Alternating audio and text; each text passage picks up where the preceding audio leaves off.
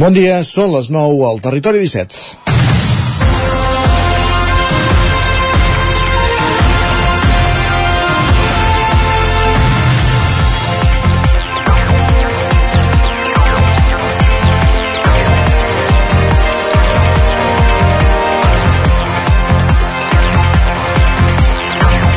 Dissabte a la tarda, qui passejava per Vic se sorprenia de veure un camió de bombers amb l'escala estirada a la Rambla de l'Hospital. Hi havia hagut un incendi en un habitatge d'un bloc de pisos. La cosa, però, es va complicar quan la Guàrdia Urbana va voler desallotjar el bloc i alguns dels residents s'hi resistien. La finca estava ocupada. De seguida, l'Ajuntament va explicar la situació als seus perfils de les xarxes socials explicant la situació i contextualitzant-la.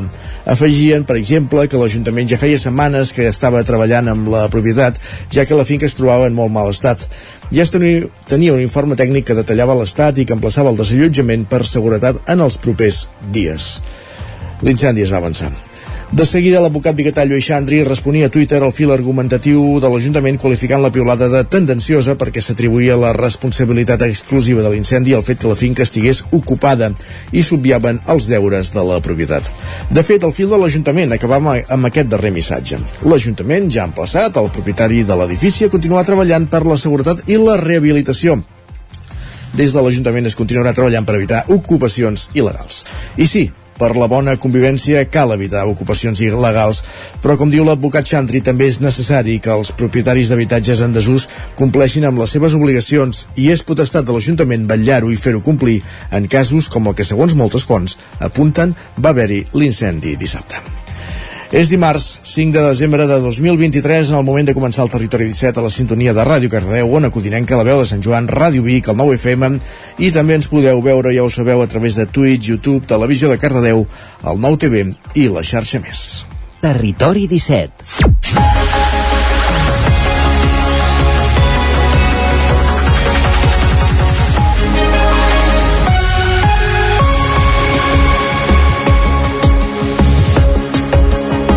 Dos minuts pràcticament i mig que passen de les 9 del matí en el moment de començar el territori 17 d'aquest dimarts 5 de desembre de 2023 el magazín de les comarques del Vallès Oriental, l'Osona, el Ripollès, el Moianès i el Lluçanès que us fa companyia cada matí durant dues hores, des d'ara fins al punt de les 11. De quina manera, amb quins continguts? Doncs ràpidament eh, aprofundim en el sumari del programa d'avui, en aquesta primera mitja hora. Com cada dia ens dedicarem a aprofundir en les notícies més destacades de les nostres comarques, també a fer un cop d'ull a la previsió del temps, a les portes d'aquest cap de setmana llarg en companyia d'en Pep Acosta, el nostre home del temps des d'Ona Codinenca i com no també anirem fins al quiosc amb en Sergi Vives per repassar les portades dels diaris del, del dia. Més, més qüestions a partir de dos quarts de deu. Serà el tren de pujar al tren. Serà el moment de pujar al tren a la trenc d'Alba amb l'Isaac Muntades recollint les cròniques dels oferts usuaris de la línia de tren Barcelona Granollers Vic Ripoll Puigcerdà l'R3 tallada aquests dies en un tram i fent substitució per, per carretera a causa de les obres de desdoblament entre la Garriga i Parets. I avui a l'entrevista anirem fins a Cardedeu fins a Televisió Cardedeu, de fet, per parlar de la Mongia de Vilamajor, i ho farem eh, amb alguns dels seus responsables, l'Enric Blanes i Enric Armateu, en companyia de l'Enric Rubio, des de Televisió de Cardedeu. I acte seguit, com cada dia, després de l'entrevista el que fem és sortir a l'exterior i avui ens desplacem fins a Can de Bànol, on hi ha l'empresa Conforça, una empresa metal·lúrgica de titularitat pública. Aquests dies els treballadors estan en peu de guerra, ja ho explicàvem ahir. Hi ha hagut talls a la C-17, a la carretera, durant el cap de setmana, divendres a la tarda, diumenge a la tarda. Se'n preveuen també per avui entre les 6 i les 8 i també hi ha aturades parcials, aquest migdia una altra, entre les 2 i les 4 per part dels treballadors per protestar per la no marxa de les negociacions del conveni, per la no aplicació del conveni actual i també una mica per sobre la, la situació d'incertesa que diuen pateix la, una indústria, ho hem explicat ja més d'una vegada, una indústria anòmala eh, metal·lúrgica al sector públic des de fa molts anys, així ho va decidir en el seu moment la Generalitat per garantir aquests llocs de treball al Ripollès, per garantir uh, l'activitat al, al territori. De tot plegat en parlarem amb el president del comitè d'empresa de Conforça, en Xavier Rodríguez, amb l'Isaac Muntades, qui es desplaçarà fins a, fins a Rius de Freser per trobar-se amb Rodríguez i parlar de la situació dels treballadors de Conforça. A les 10 notícies, la previsió del temps i a la secció d'Economia avui amb en Joan Carles Arredondo parlarem de com les mesures per pal·liar la inflació han incrementat la desigualtat a l'estat espanyol. Hi ha un primer estudi que, que ja ho explica i en Joan Carles Arredondo ja ha tingut accés, n'ha tret el gra de la palla i avui ens l'explica la secció d'Economia. De, I acte seguit a la recta final del programa ens, ens endinsem primer a Twitter, 5 minutets a dos quarts d'onze per acabar el programa amb el racó de pensar, amb el podcast el racó de pensar de la Maria López i avui sobre el poliamor. Això serà el territori 17 d'avui que ara comença, tot repassant les notícies més destacades de les nostres comarques, les notícies del territori 17, que no són altres que les notícies del Vallès Oriental, Osona, el Ripollès, el Moianès i el Lluçanès. Territori 17.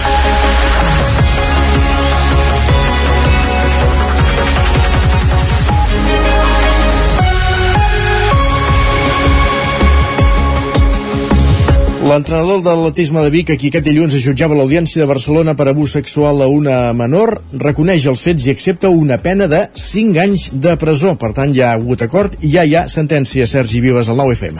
El reconeixement dels fets i el compromís de pagar 15.000 euros d'indemnització a la víctima han fet rebaixar la petició de la Fiscalia de 23 anys a 5 anys de presó, que l'acusat haurà de complir. L'acusació ha passat de 3 delictes d'abús sexual amb prevaliment a un sol delicte d'abús d'abús continuat. L'home no podrà apropar-se ni comunicar-se amb la víctima durant els 5 anys posteriors a la presó. Segons l'escrit de Fiscalia, acceptat per l'acusat i la seva defensa, els abusos sexuals es van produir l'any 2008 a les pistes municipals. La Fiscalia descriu l'home com a arrogant i obsessiu i diu que va fer valer la seva reputació com a entrenador per crear un ambient de confiança amb la víctima, fent-li creure que aconseguiria que fos una millor atleta, però que hauria d'accedir a certes peticions. La víctima ha patit conseqüències psicològiques arqueològiques importants, segons recull l'informe pericial. Més qüestions, doncs, ho avançàvem la setmana passada, dijous, que hi havia aquest judici a l'Audiència de Barcelona. La Fiscalia demanava 23 anys de presó per aquest entrenador d'atletisme. Finalment hi ha hagut hagut acord entre les parts en el dia del judici. No s'ha hagut de celebrar la vista. Hi ha hagut acord, ja hi ha sentència i aquesta petició de 23 anys s'ha rebaixat a 5 anys de presó, més la indemnització per la víctima. Més qüestions, ho dèiem a la portada, un incendi dissabte a la tarda precipita el desallotjament d'un bloc de pisos ocupat a la Rambla, Hospital de Vic, Sergi. Dissabte a la tarda, com dèiem, es va produir un incendi a l'immoble que va afectar el tercer i quart pis amb incidències greus al sostre per la qual cosa es va haver d'evacuar per complet. Es tracta d'un edifici que estava ocupat i l'Ajuntament ja estava en converses amb la propietat. El foc va precipitar el desallotjament. Núria Oms és la regidora d'Habitatge, Benestar i Família de l'Ajuntament de Vic. Justament, avui hi havia l'ordre, no? es va notificar el divendres en el propietari que ja es podia fer el, o sigui, el desallotjament s'havia de fer per qüestions de seguretat. L'Ajuntament va enviar eh, els arquitectes i van fer un informe i llavors es va constatar que realment l'edifici no, no complia, o sigui que era molt insegur i per tant llavors amb això van poder activar doncs l'ordre de, de desallotjament vale? i el que passa que dissabte el foc va precipitar tot això que aquesta setmana hagués hagut de, de passar la majoria d'ocupants van sortir del bloc pel seu propi peu, mentre que quatre es van negar a fer-ho, per la qual cosa es va requerir l'actuació dels Mossos d'Esquadra. Hi vivien una desena de persones, la majoria nois joves amb situació administrativa irregular és una casuística ja molt habitual, massa habitual a la nostra ciutat, al qual estem molt preocupats perquè realment no tenim eines per poder-ho abordar. Evidentment estan ocupant això doncs, amb, bueno, perquè, doncs, bueno, com a alternativa, no? però realment la seva situació és molt complicada, entre altres coses perquè no tenen papers i per tant malviuen no? en, aquests, en aquest immoble.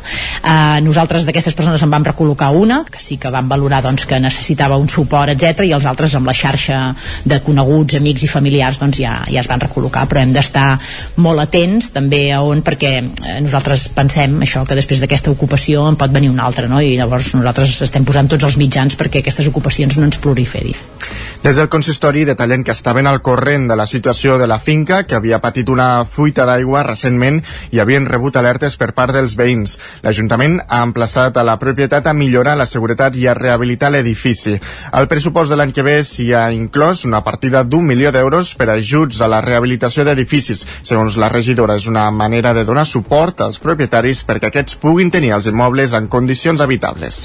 Més qüestions encara en la plana de successos. La policia local de Tona enxampa infraganti dos lladres mentre intenten robar una furgoneta aparcada al poble.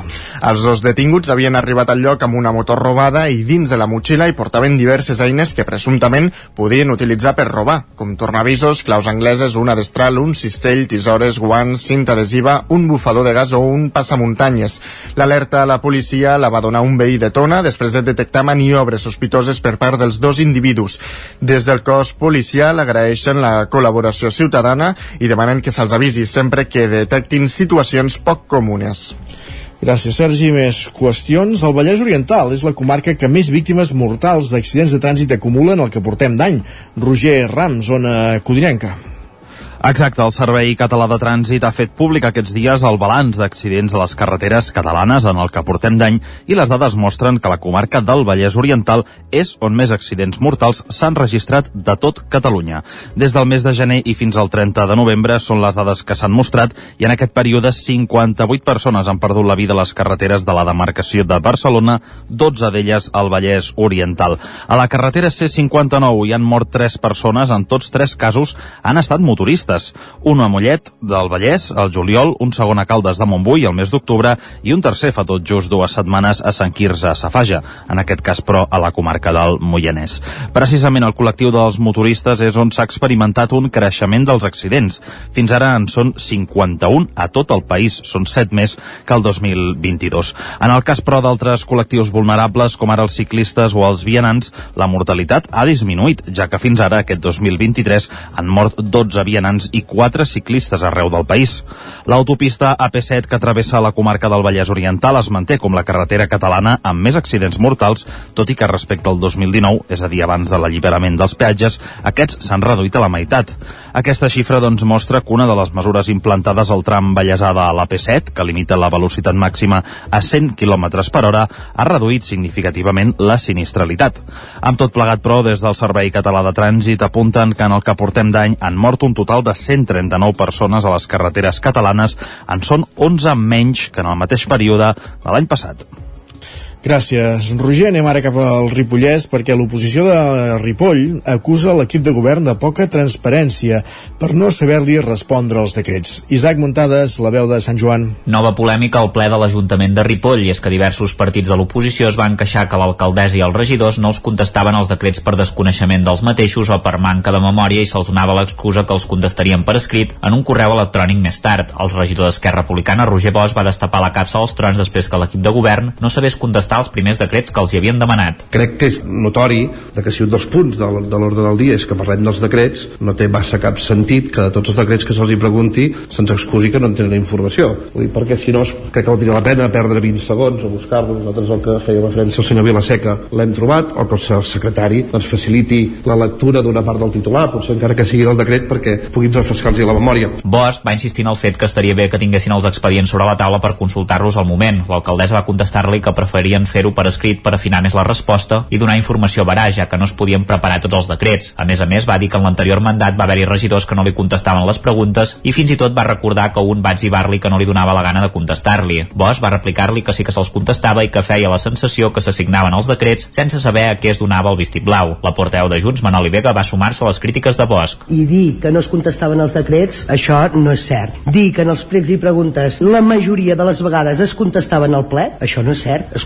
contestava i home, i, i a partir d'aquí segurament en l'apartat de pregs i preguntes potser donaré molta feina, però haurem de posar-ho, doncs s'haurà de buscar a veure quantes vegades nosaltres dèiem això ja li respondré per escrit un altre dia. L'alcaldessa també va dir que de cop i volta l'oposició tenia moltes més ganes de preguntar que en l'anterior mandat. Mai havia vist en els quatre anys que vaig ser regidora de l'oposició que es fessin preguntes sobre 8-10 decrets. Com a màxim hi havia preguntes sobre un o dos decrets. Últimament s'han animat molt, està molt bé perquè convé la participació ciutadana i dels representants polítics, però comprendran doncs, que això és joc brut, que intenten desgastar el govern i que nosaltres estem plenament disposats a respondre absolutament totes les preguntes que ens facin, però que volem fer-ho de manera curada i sempre amb l'assessorament tècnic. La regidora republicana Chantal Pérez va dir que era estrany que no sabessin de què anava un decret que parlava sobre una ocupació al carrer Monestir, perquè entenia que n'hi havia una innocent, mentre que l'edil independent de Som i Ripoll, Joaquim Colomer, va donar-li la informació al regidor Copaire Daniel Vilaseca sobre un líder de 3.000 metres quadrats quadrats que s'ha de construir l'entrada sud del municipi amb una llicència d'obres de més d'un milió d'euros, ja que els regidors de govern no havien sabut respondre-li. Gràcies, Isaac. Més qüestions. Eh, recuperem encara la plana de successos a la capital d'Osona, perquè aquesta nit, segons informa els bombers, al voltant de les 10, ja els bombers han treballat en tres avisos d'incendis de contenidors a la ciutat de Vic. En cap d'ells hi ha hagut danys personals. Aquests contenidors se situarien a la zona del Sucre i al carrer Martí Genís i Aguilar. Més qüestions, obrim plana cultural. Xef Vila, músic i realitzador audiovisual, recull el màxim guardó als Premis Julius. Uh, la gala es va... el lliurament de premis va tenir lloc aquest dissabte. S'ha imposat en el concurs de curtmetratges d'aquest 2023 que havia proposat com a tema la pel·lícula L'exorcista, amb el text amb el text. Vila va voler defugir la imatge clàssica de la nena i el llit que s'associa amb aquest film. I vaig trobar una anècdota que no sé si és veritat o no, igual és una llegenda urbana, que en el rodatge de l'exorcista un productor va tirar un tret a l'aire dins el plató amb una pistola de fogueig perquè un dels actors reaccionés, a s'espantés, no? I a partir d'aquí se'm va acudir la idea aquesta, no? De dir, hòstia, que fort, no? Que facin això, hòstia, pues... I vaig com desenvolupar aquesta idea que en el fons és una mica de crítica social el curt, no? contra l'abús de poder, el, el maltractament femení no? d'aquests diables que no són paranormals sinó que estan per desgràcia en la nostra societat. El Julius ha commemorat aquest any les 20 edicions del seu retorn quan el Cineclub Vic va decidir recuperar el, certar, el certamen que s'havia creat el 1987 i que havia desaparegut el 1996. Després de quatre dies de projeccions, la gala de Cloenda de dissabte va servir per conèixer el veredicte del jurat que han format Joanot Cortés, l'osonenca Marina Comas i Sebastià Darbó, guionista, director i productor cinematogràfic conegut per la seva tasca de divulgació de temes esotèrics i fenòmens paranormals. Sebastià Arbó. Però bé, és impressionant i el que també és impressionant és aquest festival. El segon gran premi de la nit de dissabte en la cloenda d'aquesta edició se'l van dur David Conill per Et trencaré la sang, que també havia obtingut el reconeixement del públic. Aigua Seca de Ferran Carbonell va eh, recollir el Julius, el millor cartell i la millor banda sonora. El premi al millor treball presentat per més joves de 25 anys va ser per a presència de Mina Torabi i Mireia Simón. Biel Costa va rebre el guardó a la millor interpretació pel seu treball a Rituale Romanum dirigit per Josep Maria Pradell. I també van tenir premi als curs Vis Còmica eh, de Gerard Robert, l'exorcisme de Maria Codina i l'extortista d'un grup de joves que s'havia presentat amb el nom de Rossi Pérez Jr. Al final de la gala es va anunciar el tema de la propera edició dels Julius. Els curs s'hauran d'inspirar en la figura i l'obra del dibuixant Francisco Ibáñez que ha mort aquest any. Més qüestions, gràcies Sergi. Arriba la 28a Fira de Nadal i del Turó Artesà de Cardedeu amb més de 180 parades de productes artesans, nadalencs i d'alimentació. Enric Rubio, Ràdio Televisió Cardedeu. Així és, Isaac, els dies 15, 16 i 17 de desembre torna la Fira de Nadal i del Torró Artesà de Cardedeu. Al llarg d'aquests tres dies s'instal·laran a les places de Sant Corneli, l'Església i en Sant Claver més de 180 paradetes de productes d'alimentació artesanal i nadalencs. El concert de Nadal, el Tió, l'Escudella d'Alfira, concerts, sardanes i tallers de manualitats per la mainada són algunes de les activitats que ha programat l'Associació de Veïns del Centre de la Vila, amb la col·laboració d'entitats de Cardedeu. La inauguració de la fira tindrà lloc el divendres 15 de desembre, a partir de les 8, amb pregó d'enguany de l'Associació de Voluntàries Xarxa Aliments Cardedeu i els parlaments de l'alcalde, i del convidat d'honor, el cardedeuenc Jordi Esturgó, periodista que es va iniciar en aquesta casa, Ràdio Televisió Cardedeu, i que actualment treballa al programa Planta Baixa, de TV3. Gràcies, Enric. Acabem aquí aquest repàs informatiu que començàvem al punt de les 9 en companyia d'Enric Rubio, Roger Rams, Sergi Vives i Isaac Muntades. És moment al territori 17 de conèixer la previsió del temps per aquest proper llarg cap de setmana. Som dimarts, eh? I estem parlant ja de cap de setmana.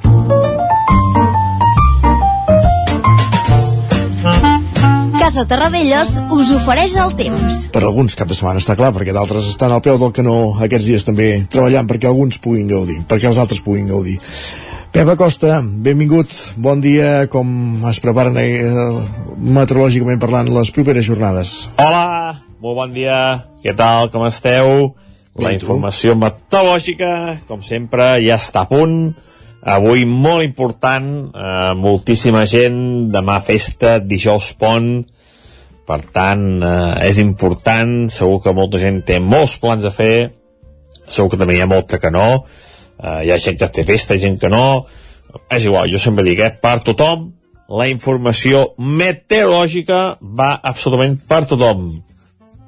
Ens llevem amb unes temperatures baixes, eh, àmpliament negatives cap a la zona del Pirineu, també els cims del Montseny, transversal, una mica de glaçada, ja era hora, ha de glaçar, és bo que glaci, i de moment ha glaçat, ha glaçat poquíssim aquesta tardor, falten moltes més glaçades. Cap al peritoral, cap a l'interior, les temperatures eh, no han baixat tant, només hi ha alguna glaçada a les zones més fredes i moltes mínimes entre els 5, 6, 7 graus, valors una mica més alts del que tocaria per l'època de l'any. Ens ha passat un petit front, un petit front aquest, aquesta nit, que ha deixat molt poca precipitació, només a zona del Pirineu una mica més significativa, cap a les comarques del Ripollès, a la comarca del Ripollès, uns 2, 3, 5 litres a tot estirar, poca, poca cosa, eh? Molt poca cosa. Ha pogut més una altra vegada, ha nevat més cap al Pirineu de Lleida, ja sí que ha sigut una mica més interessant la nevada, però tampoc no, no ha sigut eh, gran cosa, ni, ni, ni, ni, ni sabentosa, eh? No, no ha sigut espectacular nevada, ni molt menys. Aquest front ens està, ens està creuant, està marxant ja, i avui quedarà un dia assolellat, eh, algun núvol a la tarda, però bueno, en general, molt poca cosa, i unes temperatures màximes molt semblants als d'ahir. Molts valors, la majoria, entre els 10 i els 15 graus. Demà, pocs canvis. Demà, molts pocs canvis. Continuem amb aquesta, amb aquesta tònica de nits bastant fresques. Uh, pot tornar a glaçar a les zones més altes del Pirineu, al transversal, uh, també pot uh, glaçar a les zones més enclotades i fredes de les comarques, però glaçades febles, eh? no seran ni de bon tros les glaçades molt importants. Demà, molt de sol, només algun núvol i molt, molt poca, poca cosa. Les temperatures màximes de demà, molt semblants a les d'avui. I de cara a dijous, ja mirem el temps de dijous i de divendres, eh, ens aturem fins aquí, perquè cada setmana encara és una incògnita. Dijous, també un ambient molt tranquil, molt assolellat, fins a la tarda vespre. A la tarda vespre ens eh, arribarà, arribarà un front, un front atlàntic. Ens arriben sempre aquests fronts, eh? Uh, tenim aquesta tònica durant uh, ja tot el novembre ha sigut aquesta circulació de fronts atlàntics i el dijous arribarà aquest front que sembla que és una mica més important dic sembla perquè a la veritat eh, acabant arribant es desfan i, i poca cosa però dijous nit i divendres pot ser que, que sigui una mica més mogut el temps, que aquest front aporti més pluja, però bueno, veurem al final com acaba tot plegat. Però m'ha passat la mateixa punta així, eh? A que di, la nit de dijous, divendres i divendres pot ser una mica més moguda, moltes gràcies, adeu. Doncs ho anirem veient. Conforme ens anem acostant també anirem veient la cosa més clara. Gràcies, Pep, parlem d'aquí una estoneta. Casa Tarradellas us ha ofert aquest espai. Gairebé 7 minuts que falten per arribar a dos quarts de deu del matí, moment d'anar al quiosc.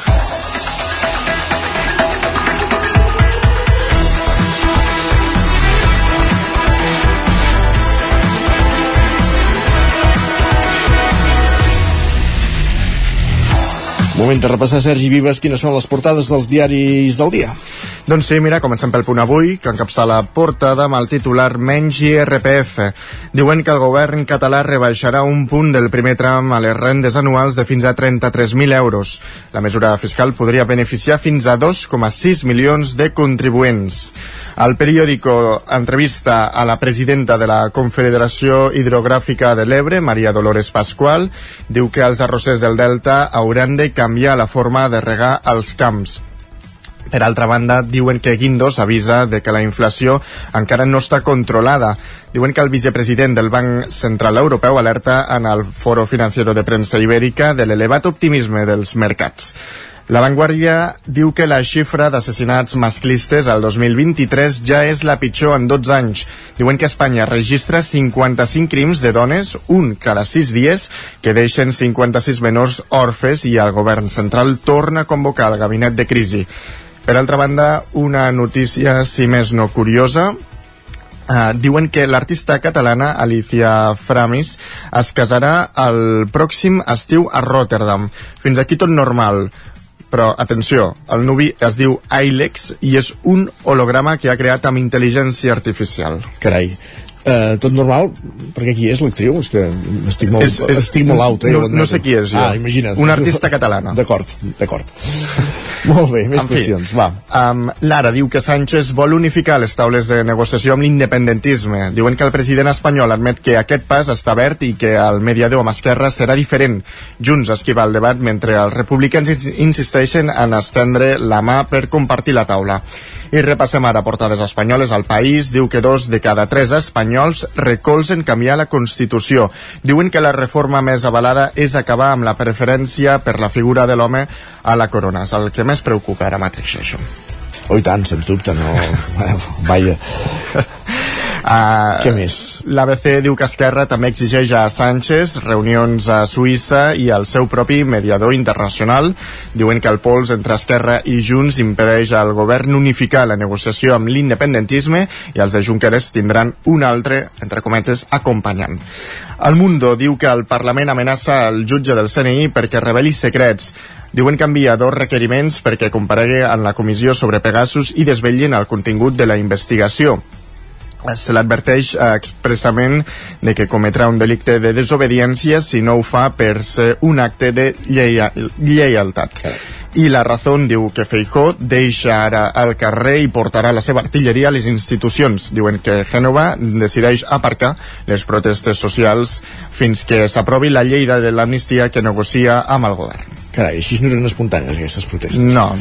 Uh, repassem digitals a l'edició del 99.cat d'Osona i el Ripollès. La di diu, Lluís diuen que la direcció del Manlleu Film Festival presenta la seva renúncia. I a l'edició del Vallès Oriental? Doncs que el comerç afronta amb optimisme el segon Nadal marcat per la inflació. Nosaltres el que fem és una petita pausa i tornem d'aquí 3 minuts. Gràcies, Sergi. A tu. El nou FM, la ràdio de casa, al 92.8. Situat en un entorn immillorable, envoltat de natura, a l'hostal restaurant La Guineu tenim la brasa encesa tot el dia per esmorzar, dinar o sopar a la fresca. Ja tenim a punt les opcions de menús d'empresa i per les festes de Nadal, Sant Esteve o Cap d'Any. Estem especialitzats en opcions vegetarianes. Hostal La Guineu. Ens trobareu a l'urbanització Les Guilleries de Viladrau. Obrim tots els dies. M'encanta regalar llibres de la llibreria Mater. Tenen novel·les que et fan viatjar a mons desconeguts, poesia que et fa sentir cada paraula, assaig que et fan reflexionar i contes infantils que fan volar la imaginació dels més petits. M'agrada regalar agendes, quaderns, bolígrafs i calendaris de la llibreria Mater. Si busques un regal original, no busquis més. Tenen una àmplia selecció de regals de papereria que segur que els encantarà. Llibreria i papereria Mater, seleccionant el que farà feliç als teus des de 1957. Pla de Balanyà 23 de Vic. Amb Pradell estalvio energia i cuido la meva butxaca i el medi ambient. Posa't en mans de Pradell. Són experts en calderes de gas de condensació, estufes de pèl·let, energia solar, terres radiants i aerotèrmia.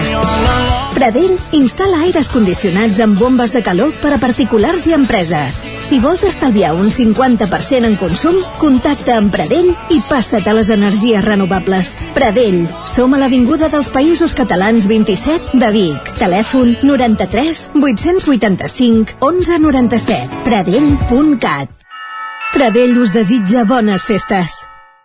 Per a qui seria perfecte aquest piano de jugueto? Per a nens que donin la nota. I aquest maletí de pintura? Pels que volen pintar alguna cosa a la vida. Jugar és viure. I viure és jugar. Vine a la teva botiga Juguetos i emporta't el catàleg de Nadal. Juguetos. Queda molt per jugar. Juguetos. Menja ràpid, menja fàcil, el trinxat de les Cerdanyes, tio Carlit. Mmm, boníssim! Trinxat Carlit, 100% natural, fet cada dia a Puigcerdà i a punt en un minut. Encara et preguntes què t'emportaràs a la feina o a la uni per dinar? El trinxat de les Cerdanyes, tio Carlit. Quan tingui un problema amb la seva caldera, vagi directament a la solució. Truqui sempre al servei tècnic oficial de Saunier Duval i despreocupis, perquè som fabricants i coneixem les nostres calderes peça a peça. I ara aconseguiu fins a 300 euros en canviar la caldera. Informeu-vos al 910 77 10 50 o a saunierduval.es. Anuncia't al 9FM. La màquina de casa. 9 3 8 8 9 4 9 4 9. Publicitat arroba al 9FM.cat. Anuncia't al 9FM.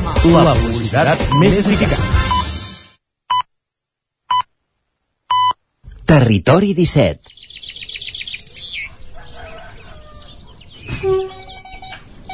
A Tren d'Alba.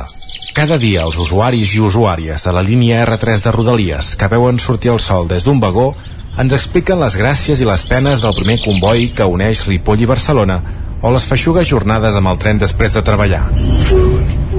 Benvinguts a Tren d'Alba. Avui us vull explicar que DIF ha completat la renovació i la modernització de la senyalització de la línia Terrassa-Manresa de l'R4 i l'R12 de Rodalies amb la posada en servei de nous sistemes en el tram de Sant Vicenç de Castellet-Castellvell i el Vilar-Monistrol-Terrassa Nord de 24 quilòmetres. En aquest traçat entrarà en funcionament el bloqueig automàtic de via doble, que és un sistema que permet circular indistintament per qualsevol de les dues vies i també entrarà el nou enclavament electrònic, el dispositiu que gestiona a distància tots els senyals d'un tram ferroviari, de l'estació de Castellvell i el Vilar. També s'han adequat equips de gestió de trànsit a Sant Vicenç de Castellet i Terrassa Nord. L'actuació, que completa la realitzada en una primera fase entre Sant Vicenç de Castellet i Manresa, reforçarà la capacitat de la línia, la seva fiabilitat disponible i eficiència. A més, deixa la línia preparada per la implementació de l'ERTMS2, convertint-se en la segona de la xarxa de rodalies en disposar d'aquest equipament, utilitzat a les línies d'alta velocitat. La inversió global de tota aquesta actuació, inclosa en el Pla Transformem Rodalies, és de 90 milions i mig d'euros. Adif realitzarà des de la matinada del 6 de desembre i fins al migdia de diumenge 10 les operacions, proves de camp i verificacions per a la posada en servei de les noves instal·lacions de senyalització. Aquestes tasques obliguen a suspendre el trànsit entre Manresa i Terrassa, quedant la mobilitat dels viatgers garantida amb un pla alternatiu de transport. Va, en retrobem dijous amb més històries del tren i de l'R3. Que Déu els agafi confessats, un pla alternatiu de transport. Territori 17 Gairebé dos minuts que passen de dos quarts de 10 del matí.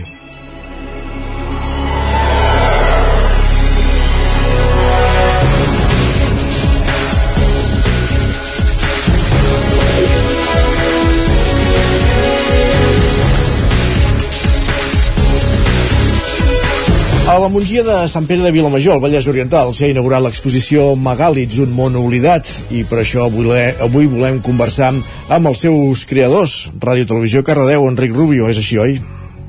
Exacte, Isaac, és així, i és que tenim entre mans una doble exposició. Per un costat amb les fotografies i audiovisuals d'Enric Planes sobre els cromlecs, dolmens i menirs del Montseny, Montnegre, Corredor i Serralada del Litoral, i per l'altre costat Ricard Mateu i Sandra Mateu ens proposen una aproximació de com vivien en el període megalític a les nostres contrades i ens descobreixen coves, pintures i gravats espectaculars i alerta perquè hi podem trobar reproduccions a escala real.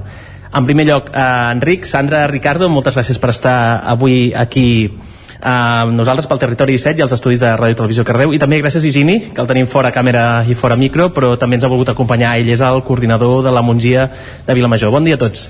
Bon dia. Bon dia, bon dia. Uh, estarem apretadets, uh, ja veureu que són tres persones avui a la, per la càmera. Uh, anem a veure. Uh, com va sorgir aquesta idea d'exposició d'unir forces i fer un espai tan complet per tots els que s'hi aproximin? Bueno, Enric? mira, sí. vas, bueno, parles tu, Enric, o parlo jo? Com vulguis. Parla, parla tu. Aviam, eh, en Ricard a mi em va proposar aquesta història eh, hem estat treballant gairebé dos anys quan m'ho va proposar eh, em va encantar la idea no ho coneixia massa però a, a base de treballar-hi doncs vam anar aprenent que hi havia molt material i en molts casos bastant malmès eh, ell es va dedicar a fer eh, com vivien que ara us explicarà ell Val, sí, mira, eh, o sigui, jo vaig pensar que una exposició només, o sigui, sobre les pedres, que està molt bé, eh, era més interessant posar, diguéssim, tot el patracol que aquesta gent eh, van tindre al seu moment, o nosaltres pensem que van tindre. Mm? Llavors vaig, eh, vaig mirar, eh, vaig informar que hi havia a les- a l'Espluga de Francolí un, unes coves en un museu molt interessant. Vaig demanar permís, em van donar permís van portar molt bé aquella, aquells senyors aquella gent, vaja i vam fer tota una sèrie de fotografies eh, de totes aquestes coves amb, amb tota una sèrie de reproduccions que tenen eh, de, de com vivien aquesta gent eh, per aportar doncs, més tema a, diguéssim a l'exposició mm? aquest és, és el, el tema principal a part després vaig estar a Ulldecona mm?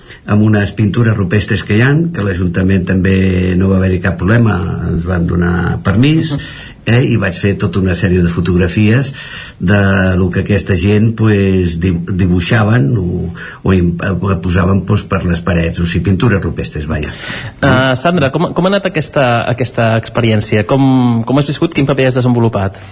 Doncs eh, jo principalment he estat ajudant aquí el meu pare a il·luminar els escenaris aquests d'Uidacona eh, també pues, eh, l'he ajudat a fer pues, eh, amb, amb el dron eh, jo soc fotògrafa eh, professional doncs pues, eh, hem estat fent coses amb, amb dron per al, pel Pla de la Calma per la Cova de l'Ocell i bàsicament el meu paper ha sigut aquest ajudar-lo a ell i donar-li tot el meu suport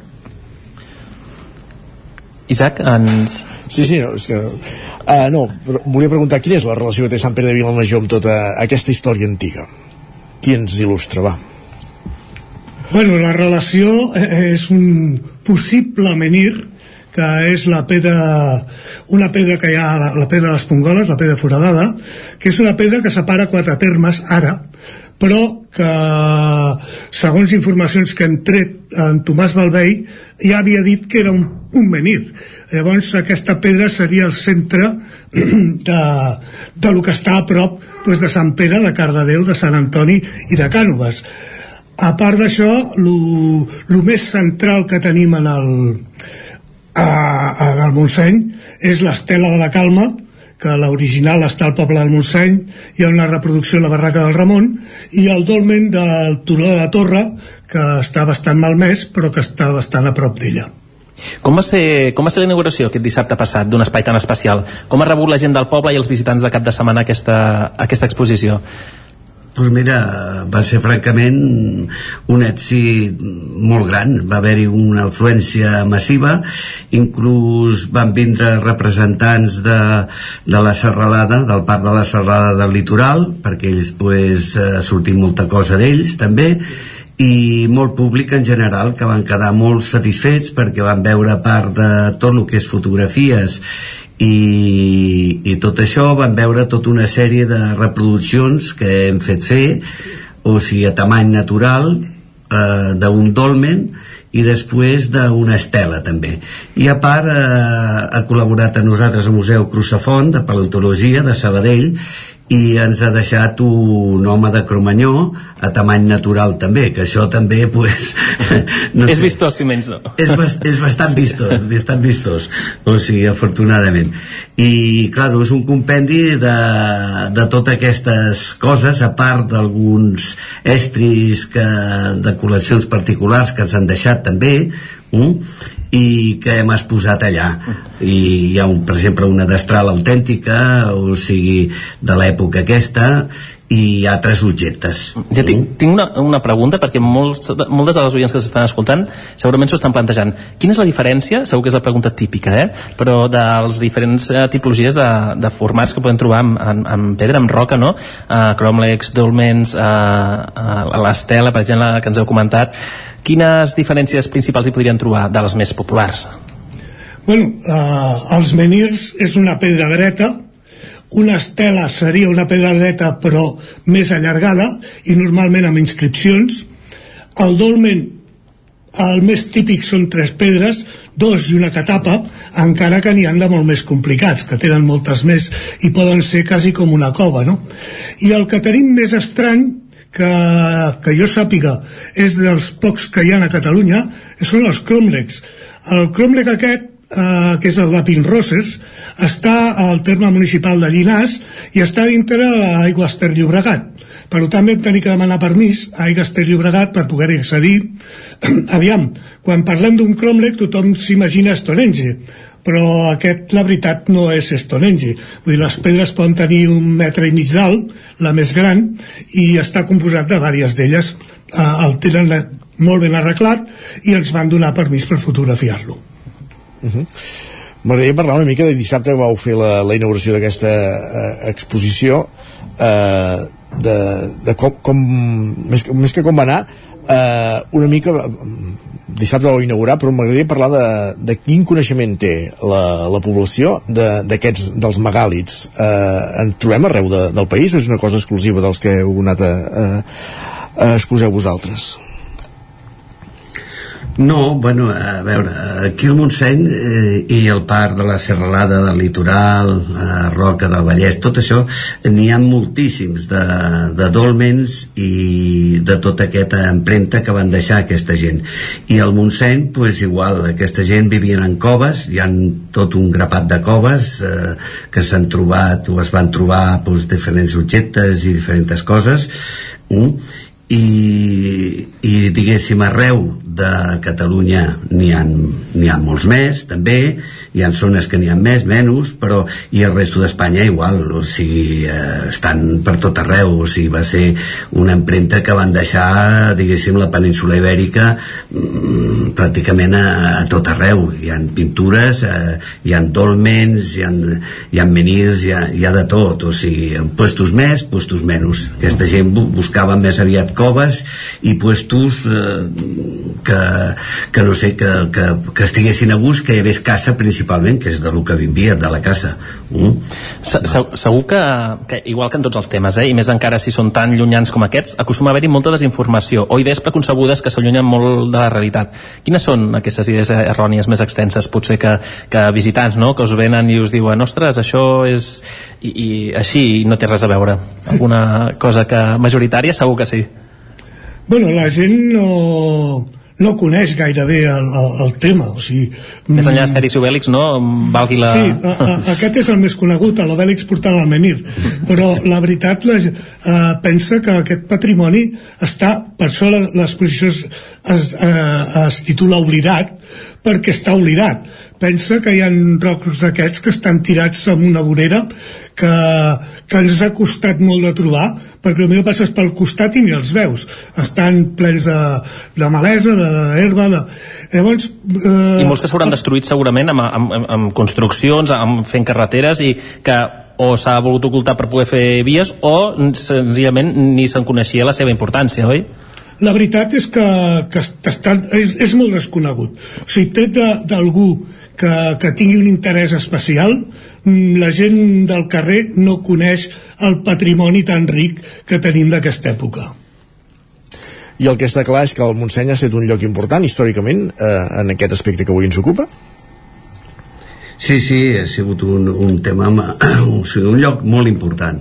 Molt important perquè hi ha tota una sèrie de coves, hi han dolmens eh, que molts han sigut eh, destruïts, així de clar perquè la gent per fer-se la casa pues, agafaven les pedres així de clar i, i algun, algun s'ha mirat de reconstruir uh, però la majoria pues, estan tots molt malmesos, que és el que deia l'Enric, o sigui, és un patrimoni que està molt deixat de la mà de Déu i el Pla de la Calma pues, només es conserva un, un dolmen. O sigui que està tot molt malmès i que, bueno, que això és d'un senyor que és un propietari que ara precisament el que estan fent el Pla de la Calma és pràcticament llaurar-ho eh, per, per sembrar no sé exactament el què però ho estan matxacant tot eh, així de clar o sigui... per això és tan important exposicions com aquesta no? també una mica per preservar com a mínim el, el, el que tenim eh, descobert eh, i Sant Pere de Vilamajor és, és una de les portes principals al, al Parc Natural del Montseny com a mínim del, del sud que aquí són moltes ràdios que envoltem el, el Montseny mm. però eh, en si Sant Pere també és un punt important a nivell de, de megàlits? No, en principi no, no, no. no. L'únic que té Sant Pere que és una porta, diguéssim, al Montseny, perquè el pla, ah, bueno, el terme municipal nostre arriba Enorme. pràcticament, és enorme i arriba pràcticament al Suí, o sigui, al pla de la calma, pràcticament. Eh? Aquest és el tema, o sigui, eh, no, es, no es conserva pràctic, res, exa- exactament. Eh? O sigui, uh? Quin, el, el perfil de famílies o, o pers- persones que, que us visiten, que és més aviat familiar, precisament, eh, o és, és gent que potser arriba a la Montgia buscant eh, doncs, informació no, de, del parc i es troba amb l'exposició, o gent que ve expressament a... Com us hi heu trobat? Sé que és un cap de setmana, eh, només que portem, però com, quin caire de perfil teniu de gent?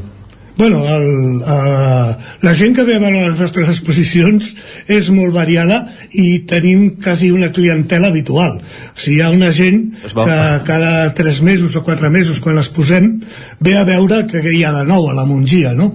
Per això l'Higini s'encarrega de- d'anar variant aquestes exposicions Eh, nosaltres conjuntament amb el Ricard, la Sandra i jo aquesta és la tercera que fem conjunta.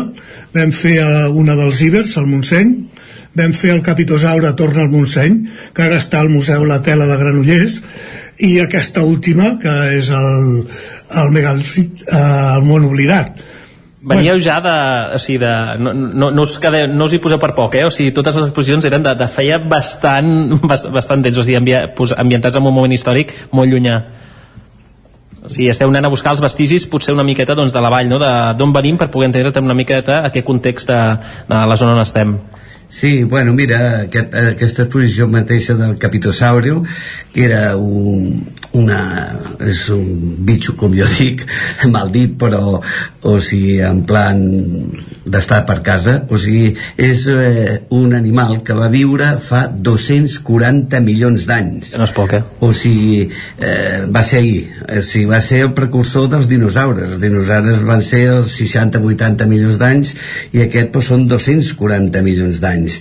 Que per casualitat, doncs, parlant eh, amb un pagès de per allà, doncs, eh, jo vaig eh, saber que havien trobat unes coses i tal, llavors vaig començar a tirar de, del fil i, i llavors doncs, em va interessar molt perquè és una cosa doncs, que es va descobrir fa 22-23 anys més o menys i no s'ha parlat mai més o sigui, i ha estat allà oblidat totalment hasta que nosaltres doncs, hem fet eh, aquesta exposició que ara, com ha dit l'Enric, està al Museu de la Tela. El Museu de la Tela ha col·laborat eh, fantàsticament. Junt amb el Museu Crucefont també que segueix fent investigacions però és que tot això, diguéssim, el públic en general no ho sabia de tot això que, que aquest eh, animal se segueix inves- investigant. O sigui, Per això és tan important, de fet, tasques com, com la vostra, que ens heu acompanyat avui aquí per explicar-nos tot això, perquè estem envoltats de moltíssim patrimoni en aquest eh, aspecte històric, no? I, i majoritàriament el, el desconeixem.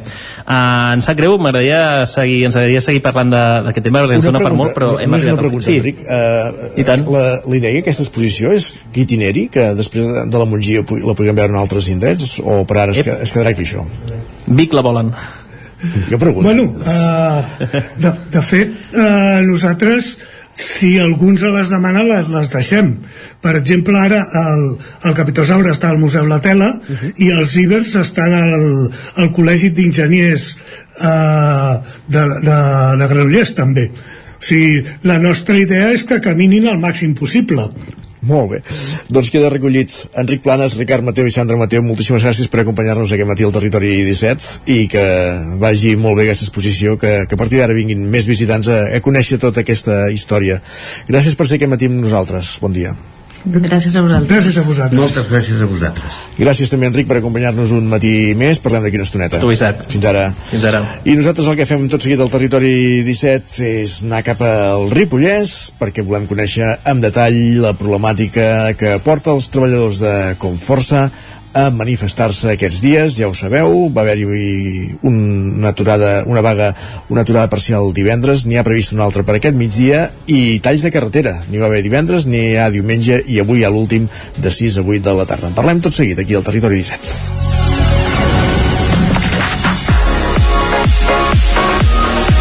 Territori 17. 11 i mig perquè siguin les 10.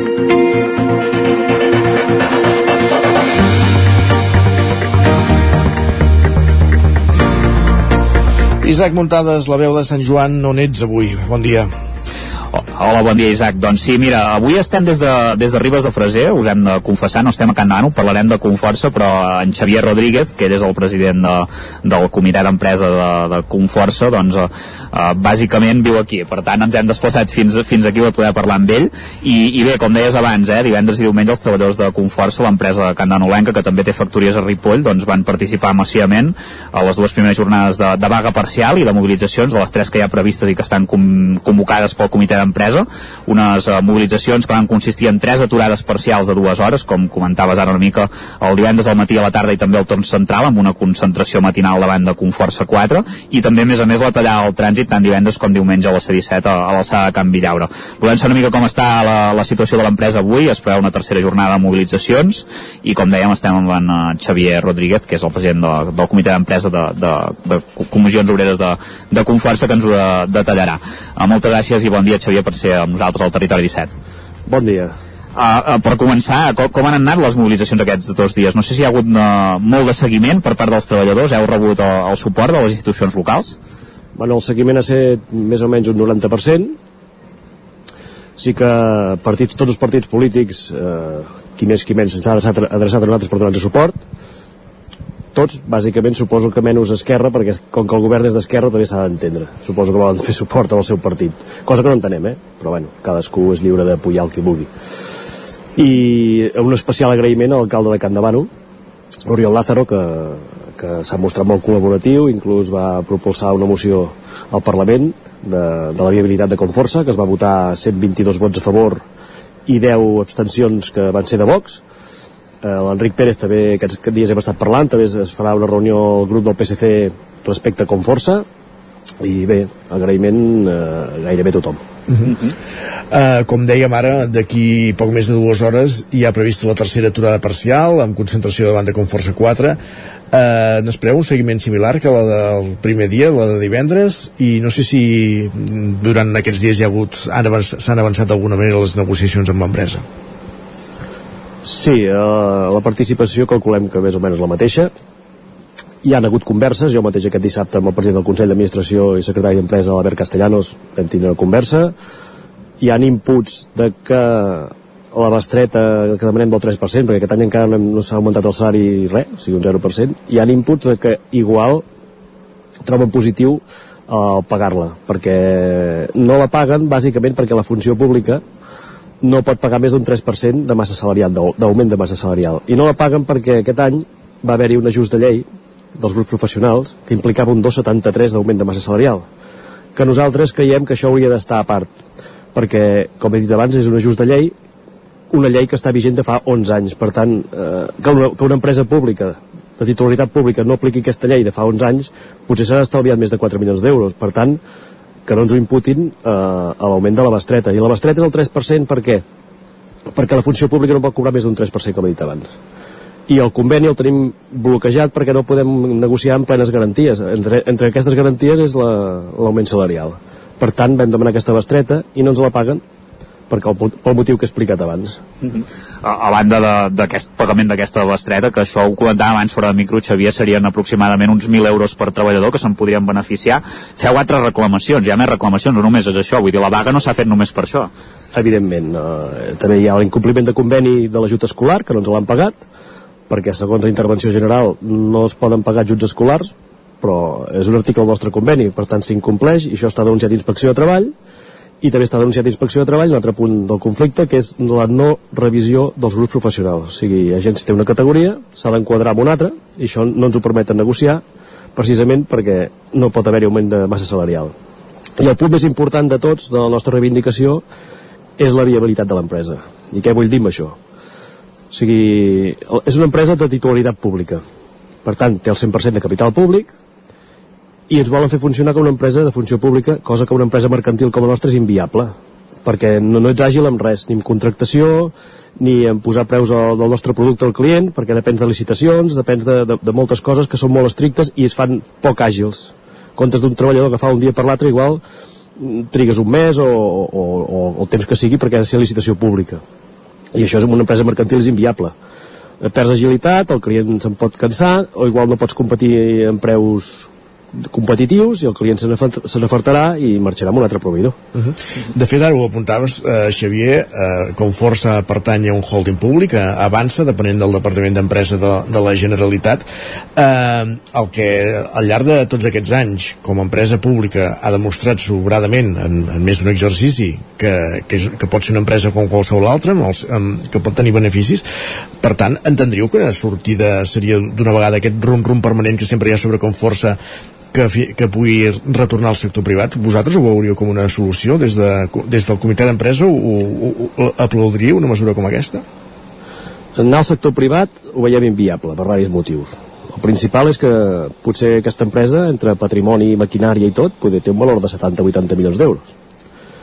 Per tant, algú que vulgui comprar l'empresa amb aquest valor, per guanyar un milió i mig, un milió, que és el màxim que tenim de benefici, en quants anys eh, recuperaria la inversió? Per tant, el perill que nosaltres veiem és que si es privatitza, es deslocalitzi l'empresa, es vengui maquinària a part, es venguin fàbriques a part, per tant, el teixit social i econòmic del Ripollès se'n veuria perjudicat, perquè serien 300 i pico famílies directament al carrer, més els comerços, més restaurants, més altres empreses que treballen per nosaltres, i seria un desastre econòmic per la comarca. Quina és la vostra impressió personal? Vosaltres què creieu que, que vol fer la Generalitat amb aquestes converses? Perquè sí que és veritat que en els últims anys ja hi ha hagut inversions en maquinària, però, però sobta això, no?, que de cop i volta, doncs, bueno, tornin a sortir aquests rumors de que es vol uh, vendre al sector privat. Bueno, rumors no eren rumors, perquè con, o sigui, tot això va sortir arran de l'auditoria del, de la intervenció general de la Generalitat, que ens va dir que incomplien tots aquests punts. Per tant, vam baixar a Barcelona, a reunir-nos amb el secretari d'Empresa i president del Consell d'Administració, Albert Castellano, es va dir, clar, funcionar d'aquesta manera entenem que és molt difícil, per tant, en el pròxim Consell d'Administració jo proposaré, proposaré la privatització de l'empresa.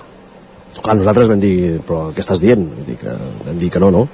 Es va muntar una reunió amb els secretaris generals de comissions i d'UGT, en Camil Ros i en Javier Pacheco, amb el conseller Torrent, i aquí es va paralitzar la privatització. O sigui, ara ja no es contempla. En principi, perquè eh, els polítics, el que ser política tampoc pots enrefiar-te'n gaire. És dir, que un dia diu una cosa, l'altre dia l'altra. Per tant, nosaltres estem amatents de, de que això no succeeixi, el que ha de fer la Generalitat és no ficar-nos a pals a les rodes, si s'ha de fer una esmena legislativa a la llei de pressupostos, pues ens sentem els agents socials, ens sentem a la, intervenció, els partits polítics, el qui calgui, i fem aquesta esmena eh, que fem una excepció amb les empreses de, de caràcter mercantil que tinguin titulació pública, no només com força, sinó les que puguin haver-hi, perquè la Generalitat el que ha de fer és donar servei. Donar servei no només és, és hospitals, ensenyament, carretera, sinó donar feina a una comarca. Una comarca que, com se sap, vull dir, és una comarca molt envellida, eh, l'Alt Ripollès i, i la Vall de Camprodon bàsicament és turisme, però Baix Ripollès és indústria i seria un cop fort que com força desapareixés. Però d'altra banda, i perdona que insisteixi amb, amb el mateix, no? però no creus que el Ripollès té prou potencial com que, perquè una empresa com Conforça sigui viable des del sector privat?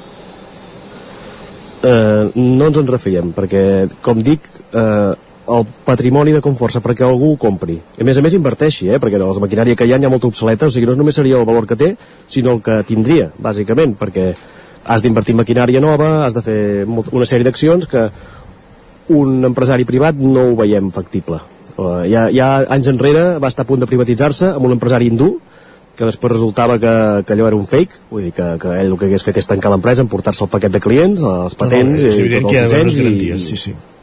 No, no, no, no és garantia. Uh -huh. uh, vull dir, si, si l'empresa està ben gestionada, com aquests últims anys, més o menys ben gestionada, més, es pot gestionar molt millor, evidentment, però és viable. Vull dir, si és viable i té beneficis, perquè l'has de privatitzar amb una norma que és estúpida. Vull dir, amb, amb empreses mercantils aquesta norma és estúpida i una norma estúpida es canvia.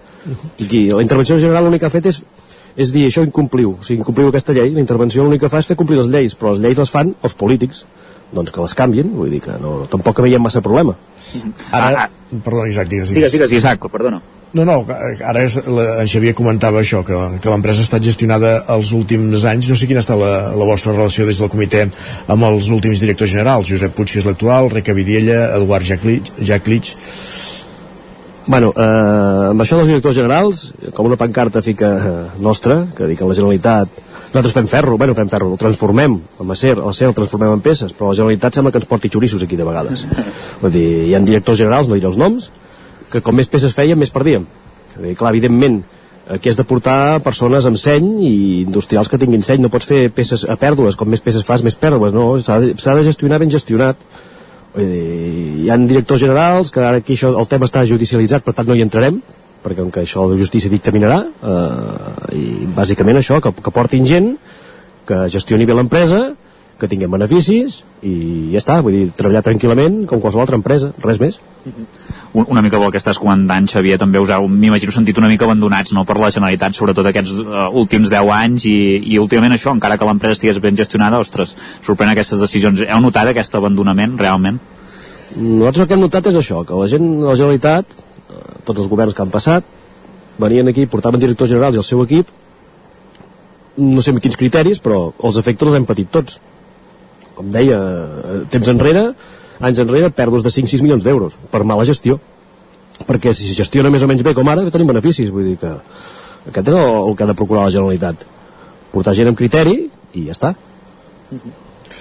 És Xavier Rodríguez, el president del comitè d'empresa de Conforça, també és el responsable de comissions obreres al Ripollès, eh, i avui hem parlat amb ell d'aquesta situació de, de, que viuen els treballadors de Conforça. Doncs segurament hi haurà més mobilitzacions, o cada dia Xavier Rodríguez a l'antena del territori 17, els dies 15, 17 i 22 de desembre són els treballadors de, de Conforça, de Can de Bànol, de, de Ripoll, del Ripollès en general, que, que demanen eh, millores, diguéssim, poder negociar el conveni col·lectiu, que s'apliqui el conveni actual i recuperar aquesta bestreta entre d'altres mesures. Xavier Rodríguez, moltes gràcies per acompanyar-nos. A vosaltres. Gràcies, Isaac, també, per, per ser aquí avui a, a Ribes de Freser. A vosaltres, moltes gràcies. Bon dia. Doncs la situació dels treballadors de Conforça, recordem-ho, hi ha més jornades de mobilització si res no canvia els dies 15, 17 i 22 de desembre. I ara és moment d'actualitzar-nos al territori 17.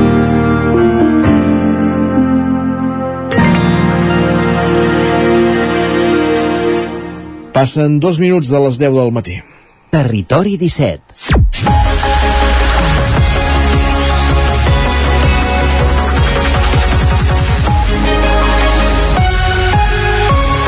moment per les notícies, no ens movem del Ripollès perquè Camprodon aprova un pressupost de 6,7 milions d'euros i en destinarà 420.000 a integrar la carretera de Sant Joan de les Abadesses. Isaac Muntades des de la veu de Sant Joan. L'Ajuntament de Camprodon va donar llum verda a un pressupost pel 2024 de 6,7 milions d'euros, dels quals n'hi ha 1,7 que es corresponen a la residència geriàtrica municipal L'Hospital. El va aprovar amb els vots de l'equip de govern de Tots per Camprodon PSC i l'abstenció de Més Camprodon Esquerra Republicana en el ple extraordinari de divendres passat. Sobre el geriàtric, l'alcalde Xavier Guitar va recordar que enguany hi faran una aportació de 235.000 euros que es corresponen a 50.000 d'ordinaris i 185.000 d'extraordinaris. L'exercici anterior se n'havien destinat 200.000. Guitar va dir que el geriàtric era una prioritat absoluta. Nosaltres sí que tenim clar, tots, i crec que puc parlar per tots 11, crec que tenim clar que el geriàtric no hi ha cap tipus de discussió, jo crec que el geriàtric hi apostem tots a mort i farem el que convingui pel nostre geriàtric. I per tant aquí sí que ja manifesto aquí oberta i públicament que pel geriàtric ens haurem d'estrenyar el cinturó, ens haurem d'hipotecar, haurem de fer el que faci falta, però la qüestió és que no deixarem davant de mai, si més no mentre hi siguem nosaltres, el geriàtric i seguirem treballant, evidentment que intentarem ajustar-ho, intentarem que no siguin aquestes aportacions tan grans, però farem el que convingui pel geriàtric. Una aposta que també compartia el cap de l'oposició Xavier Juncà, que va dir que fa una feina social sensible i molt important i que encara que sigui deficitari s'ha d'afrontar. Pel que fa a les inversions, el consistori destinarà 647.000 euros, a més de 164.000 euros en millorar la residència. El projecte estrella és fer la carretera de Sant Joan amb un import de 420.000 euros. Es vol integrar-la al municipi per fer un carrer amable amb dos sentits i unes voreres àmplies perquè sigui una entrada digna pel poble. També s'actuarà per tercera vegada a la taulada del pavelló per impermeabilitzar-la i evitar els degoters. Es posaran càmeres de vigilància o es faran camins rurals. Juncà va justificar així l'abstenció del seu grup. No votarem en contra. No ens sembla ni ètic ni coherent votar en contra perquè fer aquest pressupost és un esforç important per tots aquests inconvenients que us hem comentat. Per tant, votar en contra no ho farem i a més a més tampoc és el nostre desig perquè us vam dir a principi de mandat que no estem aquí per, per fer guerra partidista constant i a vegades el pla de pressupostos sempre sembla que el que el present el aprovarà i la que està l'oposició l'ha de tombar i busca el que sigui per buscar un argument. No crec que, no crec que sigui el cas, ni molt menys. Votar a favor és difícil, eh, per dos motius. Un, perquè lògicament el pressupost no l'hem elaborat nosaltres, ho hem dit moltes vegades. L'altre motiu és perquè l'equip de govern tenia responsabilitat de les partides que havia prioritzat. Juncà va valorar positivament que el deute només fos del 7 o 8% i sobre l'opció del govern d'incrementar els impostos i les taxes un 3,5% va dir que no n'hi havia un altre després de veure el pressupost. Gràcies, Isaac. Més qüestions. El Partit Popular d'Osona fa una trobada comarcal a Vic per posar en valor els resultats obtinguts el passat 28 de maig. És molt fàcil de, de valorar. Zero regidors per qualsevol cosa, zero. Sergi Vives, al UFM. El Partit Popular eh, va presentar tres llistes a les passades eleccions municipals a Osona, a Vic, Taradell i Tona. En cap va obtenir representació, però a Vic es van quedar 150 vots d'entrar al consistori. En aquesta trobada comarcal van posar en valor també els resultats a les generals i confien a doblar les candidatures a les properes municipals de l'any 2027. De fet, van anunciar que ja compten poder fer llista a Manlleu i a dos municipis més que encara no volen desvelar. El diputat al Congrés, Agustín Parra, va ser a Vic per donar suport als membres del partit en una comarca que considera difícil per a la formació. Sentim a Pau Ferran i també a Agustín Parra. El Partit Popular a la comarca, a la comarca d'Osona és un partit fort, és un partit sòlid, és un partit ferm. Les passades eleccions municipals vam aconseguir concórrer a tres municipis, tant a Vic com a Tona, com a Taradell, i estem en disposició, a dia d'avui ja falta de 3 anys i mig per les properes, de presentar candidatures a més municipis. És cert que no vam aconseguir el resultat esperat, estem preparant el territori per unes properes eleccions municipals i també europees i autonòmiques que seran en breu, eh, doncs per poder obtenir els millors resultats possibles i que tots els veïns eh, de la comarca d'Osona tinguin la possibilitat d'amb totes les eleccions que hi hagi tenir una butlleta del Partit Popular per poder exercir el seu dret a vot. És una comarca difícil pel PP, però estan veient que els resultats s'estan acompanyant. El resultat de, de les generals ha sigut bo, un resultat que ha, ha més que duplicat el de les municipals i les municipals no oblidem que hem estat a punt d'arribar, hem estat a punt, no hem estat a 150 vots de, de treure un regidor, que és un resultat important per nosaltres i en aquest moment podem dir que podem doblar aquesta representació, aquesta implantació que hem tingut i tindre una representació als municipis de la comarca de l'Osona i de Vic. En aquest sentit, tant Pau Ferran com Agustín Parra van celebrar que els veïns i veïnes dels diferents pobles de la comarca confien cada vegada més amb el Partit Popular. Uau, cada vegada més. Més qüestions. Uh, Espinelves dona el tret de sortida a la 42a edició de la Fira de l'Avet.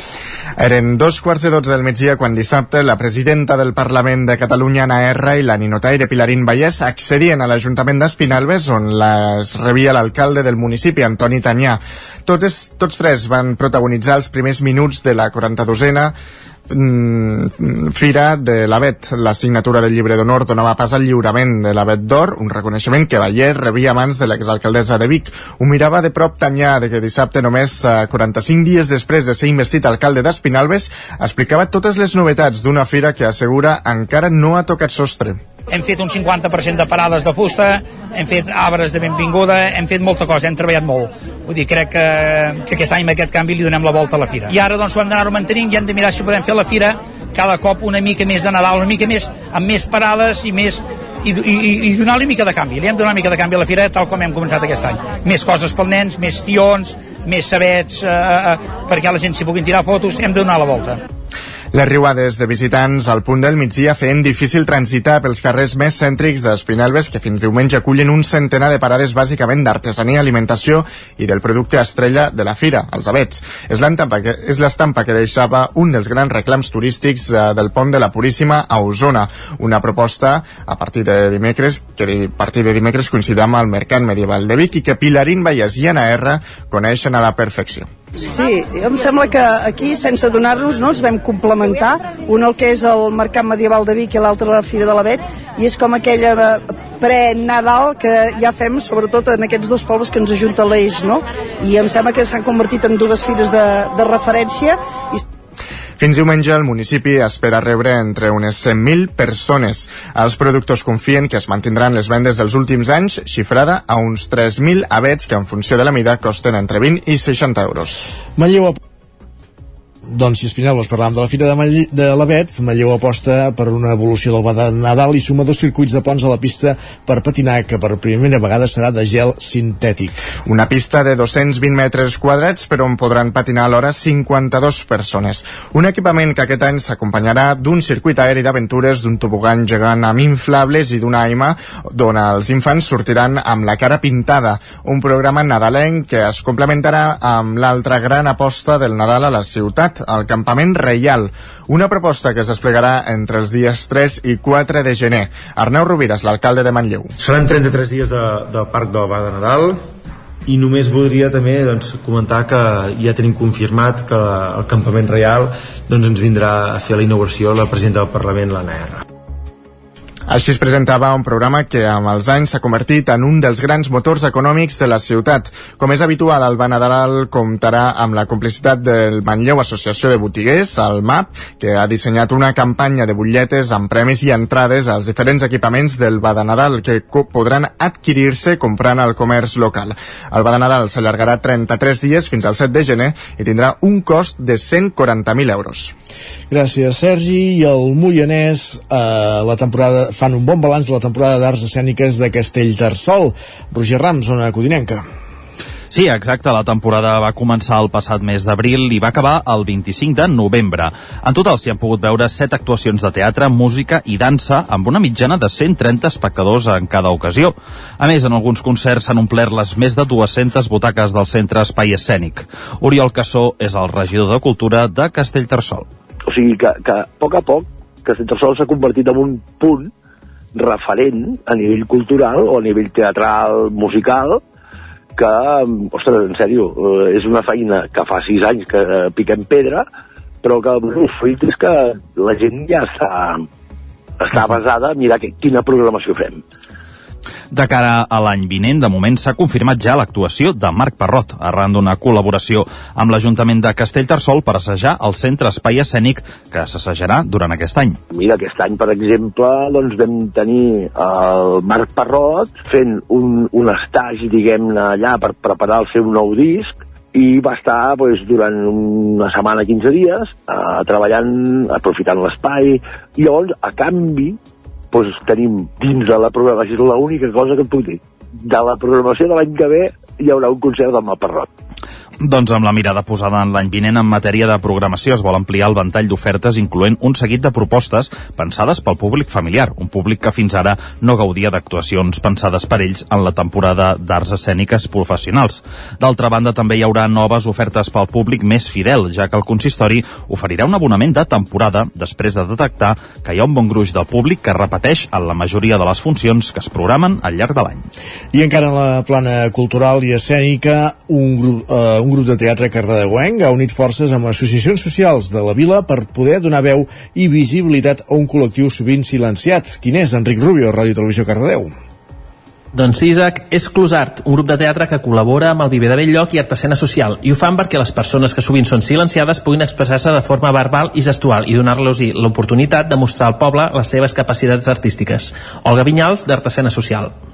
L'alumnat d'animació sociocultural del Pla Marcell estan sempre com molt, um, molt atents i molt implicats a participar, perquè en el fons totes les eines que nosaltres treballem, que és el teatre i l'expressió, ells com a animadors socioculturals treballant en col·lectius diferents, que és una mica el seu objectiu, doncs eh, els interessa molt tot aquest treball nostre. I per tant hem fet com una, no, un intercanvi d'experiències, la nostra com a talleristes i com a formadors professores de teatre d'arts escèniques i ells com a alumnat doncs, eh, hem intercanviat l'experiència Closart és un taller d'arts escèniques que va estar obert als alumnes del Pla Marcell d'Animació Sociocultural i aquests van poder veure les dinàmiques que fan, els jocs i com duen a terme aquest taller. En aquest espai hi ha una col·laboració des de fa molts anys, com dèiem, amb Artesania Social i amb I Som i Viver de Belllloc. I enguany volíem visibilitzar un, amb la Setmana de la Inclusió aquest tipus de teatre. Bueno, en principi això és un projecte d'ISOM, val, de l'associació ISOM, que l'Alba Morera, doncs, el que ha demanat la Núria, li, a la presidenta de l'associació li han demanat per celebrar els 10 anys d'ISOM que facin un, un documental. Llavors, per això avui teníem la, la possibilitat també de tenir no? en aquest taller uh, unes imatges, ha vingut a gravar perquè després ells faran uh, l'Alba Morera farà un documental sobre, sobre l'associació ISOM es reuneixen cada dijous de 6 a 7 de la tarda a la Fàbrica de Cultura de Tèxtil Race i poden anar tant joves com adults. Gràcies, Enric. A buscar. Casa Terradellos us ofereix el temps. I és el temps, moment de saludar de nou en Pep Acosta. Quin temps farà avui i demà? Que fem festa. Pep, benvingut, bon dia. Hola, molt bon dia. Aquest front ens està, ens està creuant, està marxant ja, i avui quedarà un dia assolellat, eh, algun núvol a la tarda, però bueno, en general, molt poca cosa, i unes temperatures màximes molt semblants als d'ahir. Molts valors, la majoria, entre els 10 i els 15 graus. Demà, pocs canvis. Demà, molts pocs canvis. Continuem amb aquesta, amb aquesta tònica de nits bastant fresques, Uh, pot tornar a glaçar a les zones més altes del Pirineu, al transversal, uh, també pot uh, glaçar a les zones més enclotades i fredes de les comarques, però glaçades febles, eh? no seran ni de bon tros les glaçades molt importants. Demà, molt de sol, només algun núvol i molt, molt poca, poca cosa.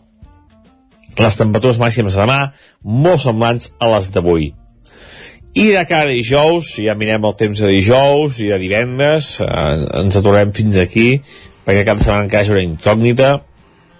Dijous, també un ambient molt tranquil, molt assolellat, fins a la tarda vespre. A la tarda vespre ens eh, arribarà, arribarà un front, un front atlàntic. Ens arriben sempre aquests fronts, eh? Uh, tenim aquesta tònica durant eh, ja tot el novembre ha sigut aquesta circulació de fronts atlàntics i el dijous arribarà aquest front que sembla que és una mica més important. Veurem dijous on arriba aquest front. Dijous tornem a parlar. Pep Acosta, gràcies una dia més per la previsió del temps. Bon dia. Casa Tarradellas us ha ofert aquest espai. I ara és temps per l'economia al territori 17. Moment de parlar d'economia al territori 17, com fem cada dimarts, i com sempre en companyia d'en Joan Carles Arredondo, el cap d'Economia del 9-9 del Vallès Oriental. Joan Carles, bon dia, benvinguts. Bon dia.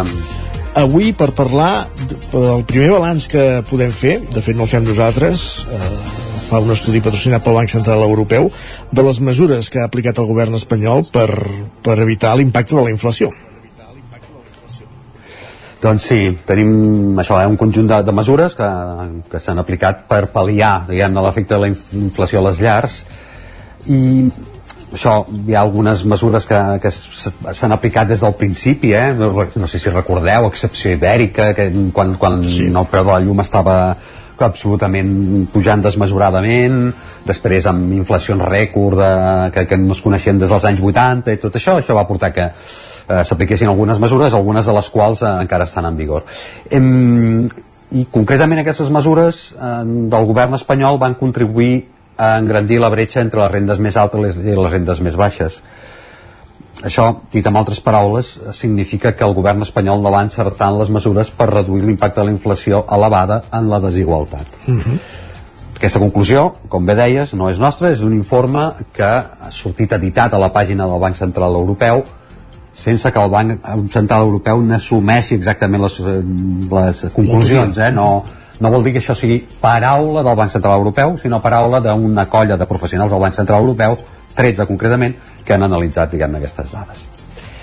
Eh, doncs això, eh, ho fa sobre les mesures que durant aquest període de fort creixement d'inflació van aplicar diferents governs de l'eurozona. Concretament ho fa en sis països, a més d'Espanya, parla de Portugal, de Grècia, de França, d'Itàlia i d'Alemanya. Molt bé. I eh, entre les conclusions més cridaneres d'aquest informe eh, s'assenyala que la desigualtat va créixer en aquest període d'elevada de, alça dels preus en dos d'aquests sis països, i concretament Alemanya i Espanya i en canvi l'impacte d'una inflació elevada en la desigualtat es va poder contenir als altres quatre països analitzats que recordem-ho són Portugal, Grècia, França i. Itàlia aquests, aquests sí que van aconseguir que, que la bretxa no es fes més àmplia precisament es va retallar i en canvi a Alemanya i a Espanya va pujar. I també és curiós que per una vegada que un informe econòmic equipara Alemanya i Espanya sigui per un impacte que no es pot considerar positiu. Uh -huh. i aquest impacte és negatiu perquè tots els països van optar per polítiques que tenien més a veure amb l'impacte sobre la globalitat de la població però en menor grau per beneficiar que les capes més desafavorides econòmicament. L'impacte per les arques públiques va ser igual d'enorme a tots els estats. En el cas de, en el cas de l'estat espanyol eh, informe del Banc, del Banc d'Espanya. Parla de 50.000 milions d'euros des de 2021 eh? no, no és, el, és, és des de que hi havia diguem-ne tot aquell gran creixement de, del preu de la llum que va portar reduccions d'impostos diguem en, aquest, en aquest àmbit. Eh, o sigui, des de 2021 50.000 milions d'euros. Però aquest esforç en canvi no es va traduir en una reducció de la desigualtat que això hauria d'inspirar les accions fiscals dels governs perquè de fet aquesta Constitució que aquest dijous tothom defensarà eh, proclama que el sistema impositiu, el sistema fiscal espanyol és progressiu, vol dir que qui més paga més, perquè qui més rep més paga diguem, no, no ho estic dient malament. Que qui més ingressa més paga, això. Ara ho estem dient bé. Correcte. eh, això ja, ja hauria de ser una obligació per Constitució però sobretot ho hauria de ser per governs que es reclamen d'esquerres com el que hi ha eh, a, a l'estat espanyol ara mateix. Però que no s'hi la diferència entre les polítiques però ara posem la mirada en l'estudi no, no s'està no sempre s'està aconseguint diguem, eh? que, que hi hagi aquest, aquesta progressivitat en els impostos Uh -huh. dèiem que la diferència entre les polítiques aplicades a l'estat espanyol en comparació amb la dels socis de la zona euro va ser que mentre el gruix de països va optar per mesures que contribuïssin a reduir l'impacte sobre els preus Uh -huh. eh, quan, va, va, no, va ser això, eh, que Espanya va optar per mesures que contribuïssin a reduir l'impacte sobre els preus Uh -huh. I en canvi mm, altres països van aplicar mesures eh, centrades a afavorir més ingressos per la ciutadania que tenien una, una situació mm, més complicada, no, diguem-ne intentarem explicar-ho amb exemples eh? Sí. Espanya va prendre mesures com les subvencions generalitzades sobre el preu de la benzina i altres eh, carburants ho recordem que van ser iguals per tots els col·lectius amb independència dels ingressos eh, que tinguessin també reduccions d'impostos sobre l'energia primer sobre l'energia, després sobre els aliments bàsics eh? però tot, tot això sempre um, també va haver-hi el tema de la, de la rebaixa dels transports públics en tot cas sempre són mesures generalitzades qui podia estar més necessitat d'aquestes mesures eren les classes més baixes però en canvi els ajuts es dirigeixen a tots els col·lectius no? i aquesta generalització dels ajuts no afavoreix reduir la, bretxa, la bretxa entre els llars amb més ingressos i les que en tenen menys eh? en el millor dels casos el resultat serà que empatin no? eh, és a dir que la, la bretxa es mantingui exactament igual però diguem-ne que hi ha un, per, per, per una pura qüestió estadística eh, el, que, el que acaba passant és que en el, si, si tu beneficies a una renda alta sí. el, la seva renda disponible s'eixampli no? Mm -hmm. ells té els mateixos ingressos però gasta menys per tant té més renda disponible i això diguem-ne que el que fa és que la, les llars que tinguin més ingressos han aconseguit tenir més renda disponible eh, que, que, en el, que les, les capes més baixes. De fet eh, l'estudi parla de eh, assenyala que el, la renda disponible a les llars amb menys ingressos es va reduir l'any passat un 5,1% no és gens descartable que aquesta menor eficiència de les polítiques que es van aplicar a Espanya tingui a veure amb una tria que va ser, diguem-ne, molt atzerosa, eh? és, és a dir, molt basada en l'atzar. Uh -huh. Mentre les polítiques dels països com Portugal permetien seleccionar a quins col·lectius estava afavorint perquè es feien transferències directes, xecs, diguem-ne, o, o, o millores fiscals adreçades a col·lectius determinats, és a dir, si tu dius no, eh, aquesta mesura beneficiarà tot aquell que tingui menys de 20.000 euros d'ingressos anuals, diguem, està seleccionant, no? I per sí. tant ho deixes poc a l'atzar. A Espanya es va optar per reduir impostos directes com l'IVA, eh, perdó, indirectes com l'IVA, en el cas dels aliments, i això deixa en mans de les mateixes empreses de distribució la determinació de preus. I això mm, s'ha vist que no acabava de funcionar. Eh, les famílies han acabat pagant el mateix o més i així ho revelen estudis recents de l'Organització de Consumidors FACUA eh, sobre preus al mes d'octubre deia que més de la meitat, de, més de la meitat un 52% és més de la meitat dels productes als quals s'aplicava la rebaixa de l'IVA ja eren més cars a finals d'aquest octubre que un any abans Um, per una altra organització de consumidors, l'OCU, sí. seria més eficient aportar un xec de 200 euros a, la, a les famílies que ingressen menys de 27.000 euros. Ajuts directes a col·lectius més vulnerables i això és exactament el que han fet els països amb millors resultats en l'aplicació d'aquestes polítiques antiinflació inflació. Mm, diguem-ne que això, aquesta petició que fa l'OCU correlaciona bastant amb el que diu l'estudi no? Uh -huh. en el mateix informe fet sobre, sota el paraigua del Banc Central com dèiem, del Banc Central Europeu tot i que ja, ja s'assenyalen no, diguem-ne que eh, el, els dubtes sobre si les accions adreçades simplement a contenir els preus tinguin un efecte no ja per pal·liar la desigualtat que genera un IPC elevat, sinó per la pura contenció de la, de la inflació.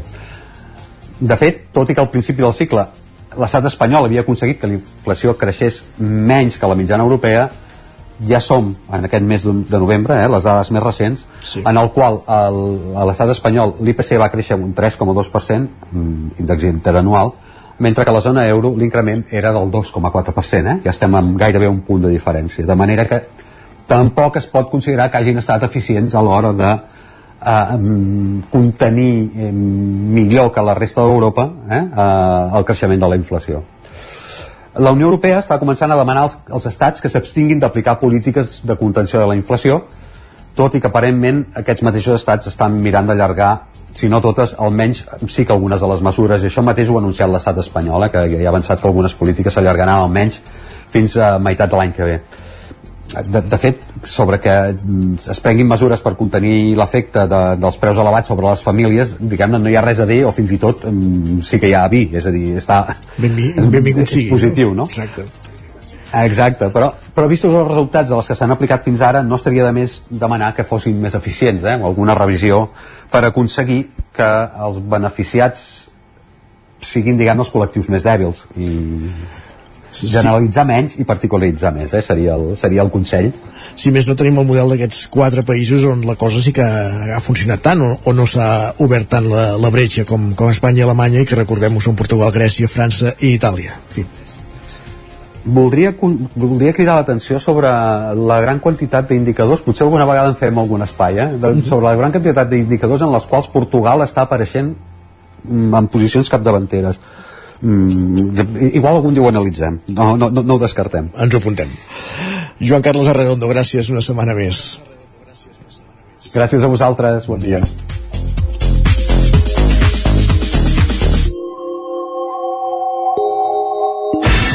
El nou FM, la ràdio de casa, al 92.8 Situat en un entorn immillorable, envoltat de natura, a l'hostal restaurant La Guineu tenim la brasa encesa tot el dia per esmorzar, dinar o sopar a la fresca. Ja tenim a punt les opcions de menús d'empresa i per les festes de Nadal, Sant Esteve o Cap d'Any. Estem especialitzats en opcions vegetarianes. Hostal La Guineu. Ens trobareu a l'urbanització Les Guilleries de Viladrau. Obrim tots els dies. Menja ràpid, menja fàcil, trinxat de les Cerdanyes, tio Carlit. Mmm, boníssim! Trinxat Carlit, 100% natural, fet cada dia a Puigcerdà i a punt en un minut. Encara et preguntes com t'ho faràs perquè els nens mengin verdura? El trinxat de les Cerdanyes, tio Carlit. Per aquí seria perfecte aquest piano de juguetos. Per a nens que donin la nota. I aquest maletí de pintura pels que volen pintar alguna cosa a la vida. Jugar és viure. I viure és jugar. Vine a la teva botiga Juguetos i emporta't el catàleg de Nadal. Juguetos. Queda molt per jugar. Juguetos. Vine al Garden Tortadès de Vic i descobreix l'exposició de Nadal més màgica de la comarca. Decoració, ornaments, il·luminació, poncèties, arbres de Nadal i molt més. Inspira't i crea el Nadal dels teus somnis. Obrim cada dia, diumenges i festius inclosos. Garden Tortadès. Ens trobaràs al polígon Mas Galí de Vic. M'encanta regalar llibres de la llibreria Mater. Tenen novel·les que et fan viatjar a mons desconeguts, poesia que et fa sentir cada paraula, assaig que et fan reflexionar i contes infantils que fan volar la imaginació dels més petits. M'agrada regalar agendes, quaderns, bolígrafs i calendaris de la llibreria Mater. Si busques un regal original, no busquis més. Tenen una àmplia selecció de regals de papereria que segur que els encantarà. Llibreria i papereria Mater, seleccionant el que farà feliç als teus des de 1957. Pla de Balanyà 23 de Vic. Arriben les festes més especials de l'any i des del nou FM us ho volem dir d'una altra manera. Des de Boi Galtés, al carrer Jaume I de Vic, els nostres millors desitjos. De part del sabater de Manlleu, que estem a dalt vila, molt bones festes. De part de Piscines Martí, que som al polígon Mas Galí de Gurb, salut i gaudir de les festes. Des de Set Parc, que estem a la carretera de Roda de Vic, els millors desitjos per al 2024. Cada dimarts a les 11 de la nit, al 9 FM, repàs de l'actualitat esportiva a la banqueta. El 9 FM, el 9 FM, el 9 FM, el 9 FM. En punt, són dos quarts d'onze al territori 17.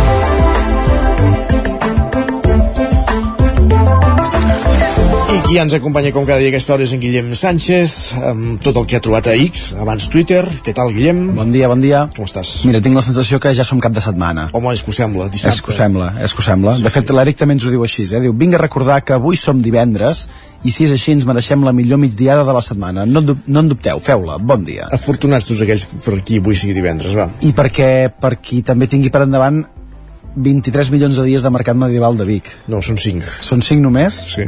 5 o... s- No, 5 dimecres, dijous, divendres, santa diumenge, sí. Sí, vaig anar... Sí, vaig aprovar matemàtiques a bàsica, sí. L'Arnau Tordera també ho té ben clar. Què diu? Ens diu 5 dies de mercat medieval, diu descansi en pau, Vic. Precisament descansar és el que no farà la, la pobra ciutat. I tant, i tant. I de mercat i de feina ens en parla també aquest usuari, que ens diu certa persona, certament desgraciada, ha de treballar cert pont, els 5 dies, així que això és una crida que si veniu a passar un dia a Vic pel mercat medieval, podeu passar al matí per Folgueroles a veure'm al museu. Diu, si us plau. Doncs molt bé. Que donem una mica de... De vida. De vida i d'emoció amb els pobles i de, i de feina. Va, I l'Aina té una, té una pregunta, Isaac, avui al matí. Pregunta, Aina. Diu, algú sap si pel mercat medieval hi ha alguna parada on et llegeixin les cartes o et Mare facin de el tarot? Mare de Déu.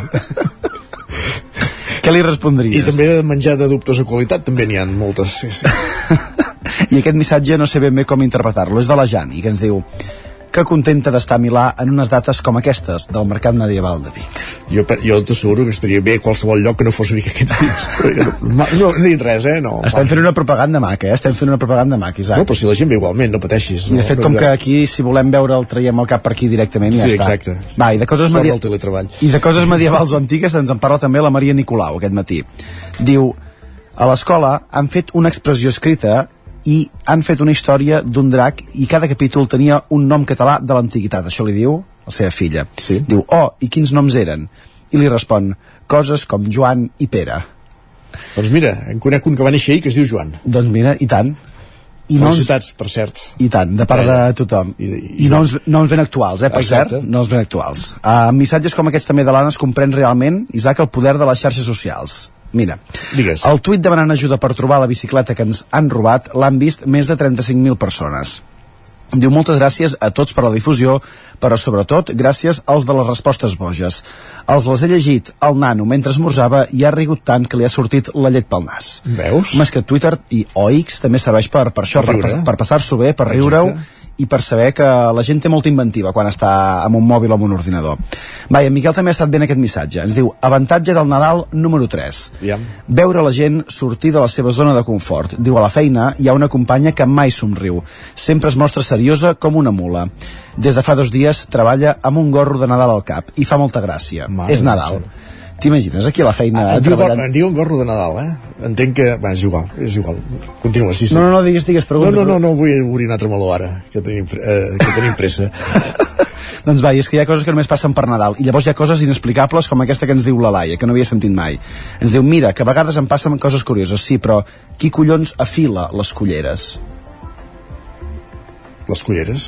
Afilar culleres. Jo és una Jo no vull... cosa que no havia sentit absolutament En tot mai. cas són els ganivets, no? Per això... S'esmolen. Sí, cor correcte. Afilar culleres, ja et dic, eh? no sé si és el més normal, el que sí que s'haurien d'afilar són les agulles. Després d'això que ens diu l'Adrià, diu m'han posat l'agulla malament aquest matí quan em feia una an analítica i m'han rebentat el braç. Ai, Aquestes analítiques de bon matí a les 8 a vegades costen, eh? A Sí. vegades costen. Vaig molt a favor de l'opinió de l'Oriol, que ens ha compartit aquest matí a través de xarxes. Què diu di- Oriol diu, Barra, ell? Jo sempre a favor de la modernitat i de la joventut, però, amigues i amics, escolteu aquest prec i no deixeu de fer servir les comes, que ja no entenc res del que dieu. Gràcies de tot cor. Molt fan de l'Oriol. I tant, com sempre. M'agrada molt acabar amb aquest dia. Gràcies, Guillem. Va, que vagi bé, Fins. Isaac. Fins dimarts. Adéu. Fins dijous. Fins dijous, fins dijous. Dijous, dijous, gràcies. Territori 17. I el Territori 17, tot seguit, és torn del racó de pensar, el podcast que ens porta cada setmana la Maria López. Avui, poliamor. Maria, benvinguda, bon dia.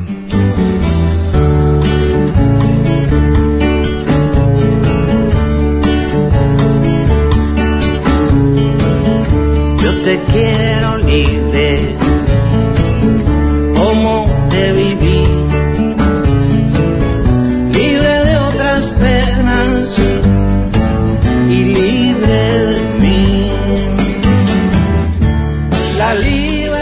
Fins i tot Sílvia Rodríguez ho té clar. Jo te quiero libre también de mi. Però abans d'ell ja ho deia també Antonio Machín quan expressava les seves dificultats per entendre què li passava mentre versava incrèdul un Yo no puedo comprender cómo se pueden querer dos mujeres a la vez. I és que la nostra capacitat d'estimar no té límits. A part, és l'encaix social que es fa d'aquesta capacitat emocional que tenim d'estimar. El poliamor no és nou. Segurament, si investiguem altres cultures, està molt més a l'ordre del dia del que ens sembla. Però aquí, a la nostra societat, tot just comença a parlar-se'n obertament i en la majoria de casos és més fàcil sortir de l'armari amb la nostra orientació sexual que amb la nostra estructura de parella o triella. El poliamor ha emergit com una alternativa que desafia les convencions tradicionals. Aquesta pràctica, que implica mantenir múltiples relacions afectives simultàniament, amb el coneixement i consentiment de tots els implicats, genera debats apassionats i, per què no dir-ho, replantejaments socials, especialment en les noves generacions. El poliamor ens convida a proposar una perspectiva més oberta, on explorar la nostra capacitat d'estimar i apartar el concepte de la propietat en la parella, connectant amb més d'una persona alhora. Segons la majoria de persones poliamoroses, els ingredients són claus. Comunicació honesta, respecte mutu i gestió constant dels sentiments. Però estem culturalment preparats per interioritzar aquesta nova manera d'entendre les relacions? Com es poden gestionar sentiments tan viscerals com el gelos o la por a perdre una parella? Quins tipus de relacions poliamoroses hi ha i com s'encaixen les estructures familiars? Us parla la Maria López i això és El racó de pensar.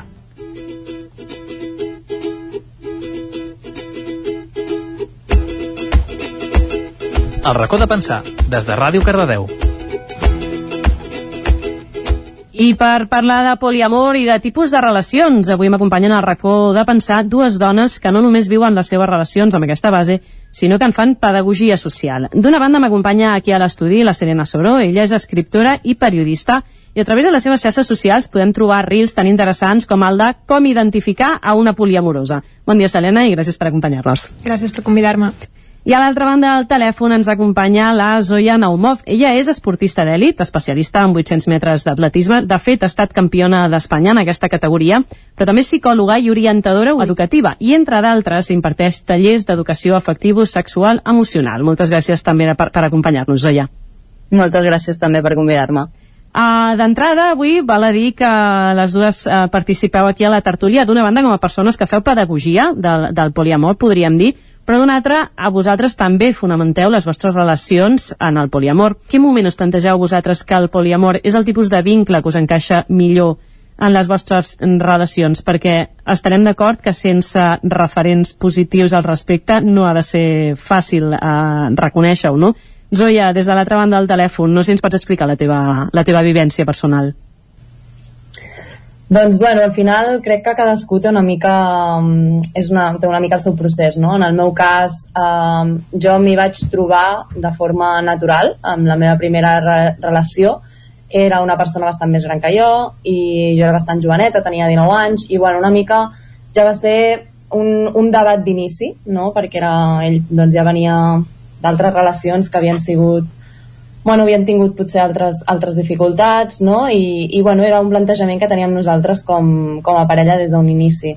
A mi també em va venir, bueno, em va venir una mica la, la, la idea de plantejar-me aquesta for la forma en la que ens relacionem i la forma en la que em volia relacionar jo a partir d'una assignatura de la, de la carrera de Psicologia també justament que es va parlar d'un experiment que és l'efecte Coolidge, que és el, el tan conegut experiment de, de la novetat, no? de l'estímul novedós i com dos ratolins que, que es coneixien, bueno, els posaven junts dins la mateixa gàbia, no? i llavors doncs, tenien, mantenien relacions sexuals, el treien, hi havia una... el treien, tornaven a fer una altra segona exposició, seguien mantenint relacions sexuals, però a poc a poc anava baixant no? aquell, aquell, doncs, l'efecte diguem, de, de desig i ara de sobte quan entrava un altre ratolí nou doncs tornava a despertar-se el desig no? després de, de que havia disminuït a les altres exposicions llavors bueno, això òbviament és des d'una una vessant totalment biològica i molt més animal no tenim el cervell dels ratolins nosaltres tot i que sí que és cert que, que es fan molts experiments en psicologia per humans a base de ratolins perquè diuen que sí que tenim un, una, una base biològica semblant però bueno, jo no sóc experta en, neuro, en neuropsicologia, llavors no vull indagar molt més aquest camp, però sí que és veritat que per mi aquí va ser un, un començar a, a plantejar, no? a dir, ostres, um, és veritat, no? O sigui, veiem com també sabem que la, la novetat pot ser introduïda per altres coses, no cal que siguin persones, però a poc a poc per aquí a mi se'm va anar obrint un món que a poc a poc doncs, també vaig començar a experimentar i adonar-me que era part de la meva identitat, no? que això crec que serà una cosa que m'agradaria treure també al, al llarg de, de la tertúlia d'avui és, és una forma que decideixes tenir la relació o també és, una, és la teva pròpia identitat, no? és la teva forma de relacionar-te i amb, amb les persones. Llavors, bueno, una mica aquest, aquest va ser el meu inici, així és com vaig començar jo i, i ja anirem parlant perquè sí que estic d'acord que jo ho comparo, ho comparo molt ara amb el sortir de l'armari, no? Uh -huh. I, I crec que en aquest sentit és perquè ho, ho vist també de forma bastant identitària.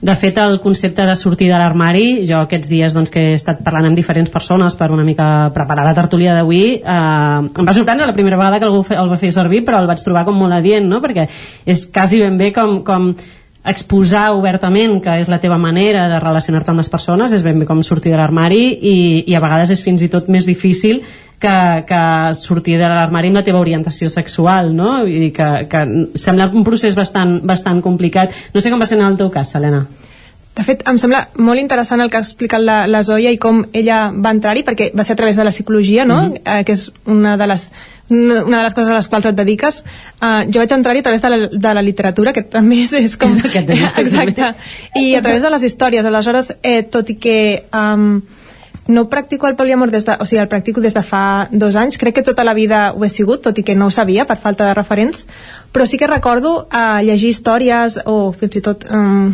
fossin llibres o, o pel·lícules a mi em molestava molt eh, quan hi havia personatges que havien de triar, en una història d'amor i havien de triar entre dues opcions mm. i aquestes històries és que em rebentaven era, era però per què no els dos? I no, i no, a més a més és que l'únic problema d'aquella història és que era aquest, és que, és que era, era el poliamor arreglaria aquesta trama d'aquesta història, no hi, no hi hauria llibre aleshores, vale, també potser perdríem algunes, perdríem algunes històries perdríem bones històries Exacte. de la literatura sí, i aleshores a, a mi em va passar um, jo diverses vegades a la meva vida m'havia enamorat de més d'una persona alhora i eh, sempre doncs, acabava descartant una no? no tenia referents i pensava que havia de descartar-ne una perquè era el que havia vist a totes aquestes pel·lícules i tots els llibres que havia llegit um, fins que va arribar un moment que vaig llegir, potser perquè també ja era més adulta vaig llegir uh, un llibre que es diu La vieja sirena de José Luis San Pedro uh, on una dona s'enamora de, de dos homes.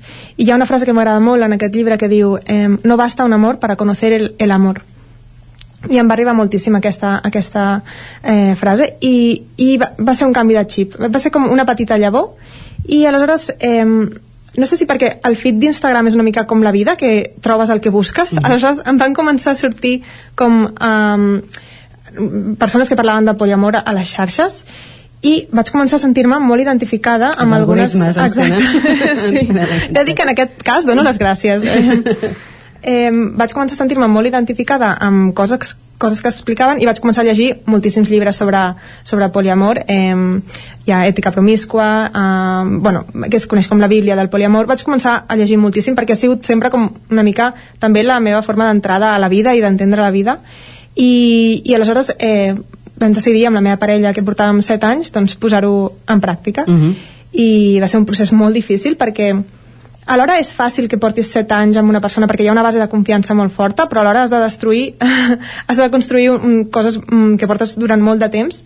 I va ser un procés eh, difícil al principi però ha sigut enriquidor i ja més enllà de l'estructura que, te, que tenim ara ha sigut enriquidor com a persones. Tot el que hem hagut de, de construir o sigui, i en qui ens hem convertit això de la identitat que deia la Zoya realment ha sigut, ha sigut un, un canvi molt, molt gran Per mi una de les grans eh, preguntes, no? si d'alguna manera, doncs, en el cas de la Zoya a través de, dels estudis de psicologia, en el teu cas a través de la literatura, llavors d'alguna manera hi ha una aposta per dir eh, vull tenir relacions eh, d'aquesta manera, o si més no intentar-ho, però el procés és com quan trobes un jersei de la teva talla i dius ai per fi, o hi ha un procés de deconstrucció llarg, complicat. En el teu cas, d'alguna manera ja has dit però no sé fins a quin punt va ser llarg mm. aquest procés, és complex i has de seguir lluitant, intentant-ho perquè creus que és el que, el que correspon? O no sé, Zoya, si tu t'hi vas trobar de seguida còmode amb aquest tipus de relacions No, per mi està sent, et diria que estic començant a assolir un, una estabilitat també identitària des de fa uns mesos i porto, doncs ara jo en tinc, en tinc 28 i vaig començar a relacionar-me d'aquesta manera amb 19 anys. Estem, posem un procés de quasi 10 anys, eh, darrere?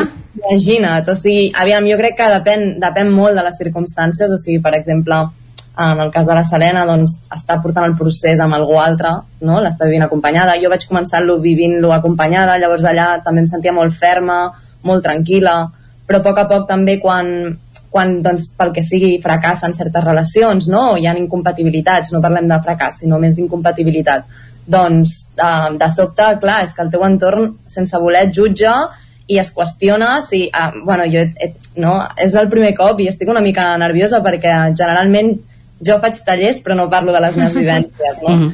I, i és el primer cop que, que m'estic una mica exposant a nivell més personal um, i, i bueno, bàsicament és com uh, hi ha hagut eh, incompatibilitats en les meves parelles que al meu entorn directament sense cap tipus de maldat des de la màxima bondat però m'han dit és que potser t'has de replantejar el tipus de relacions que tens no? és per Mm. això que les teves relacions fracassen i llavors tu aquí entres en, en com una espècie de, de bucle no? també i eh, aquí es veu la meva, la meva part de psicòloga i dius ostres, serà serà veritat, no? I com no tens referents, bueno, jo m'encanta, Selena, que hagis dit lo de la literatura que vas entrar, perquè els meus moments més obscurs me'ls he, he, m'he refugiat amb la literatura. Mm. M'he refugiat amb, amb autores com la Sandra Bravo, que per mi va ser de les, de les pioneres, de les referents a la zona de bueno, Barcelona, inclús a Espanya, que parlava de tot això.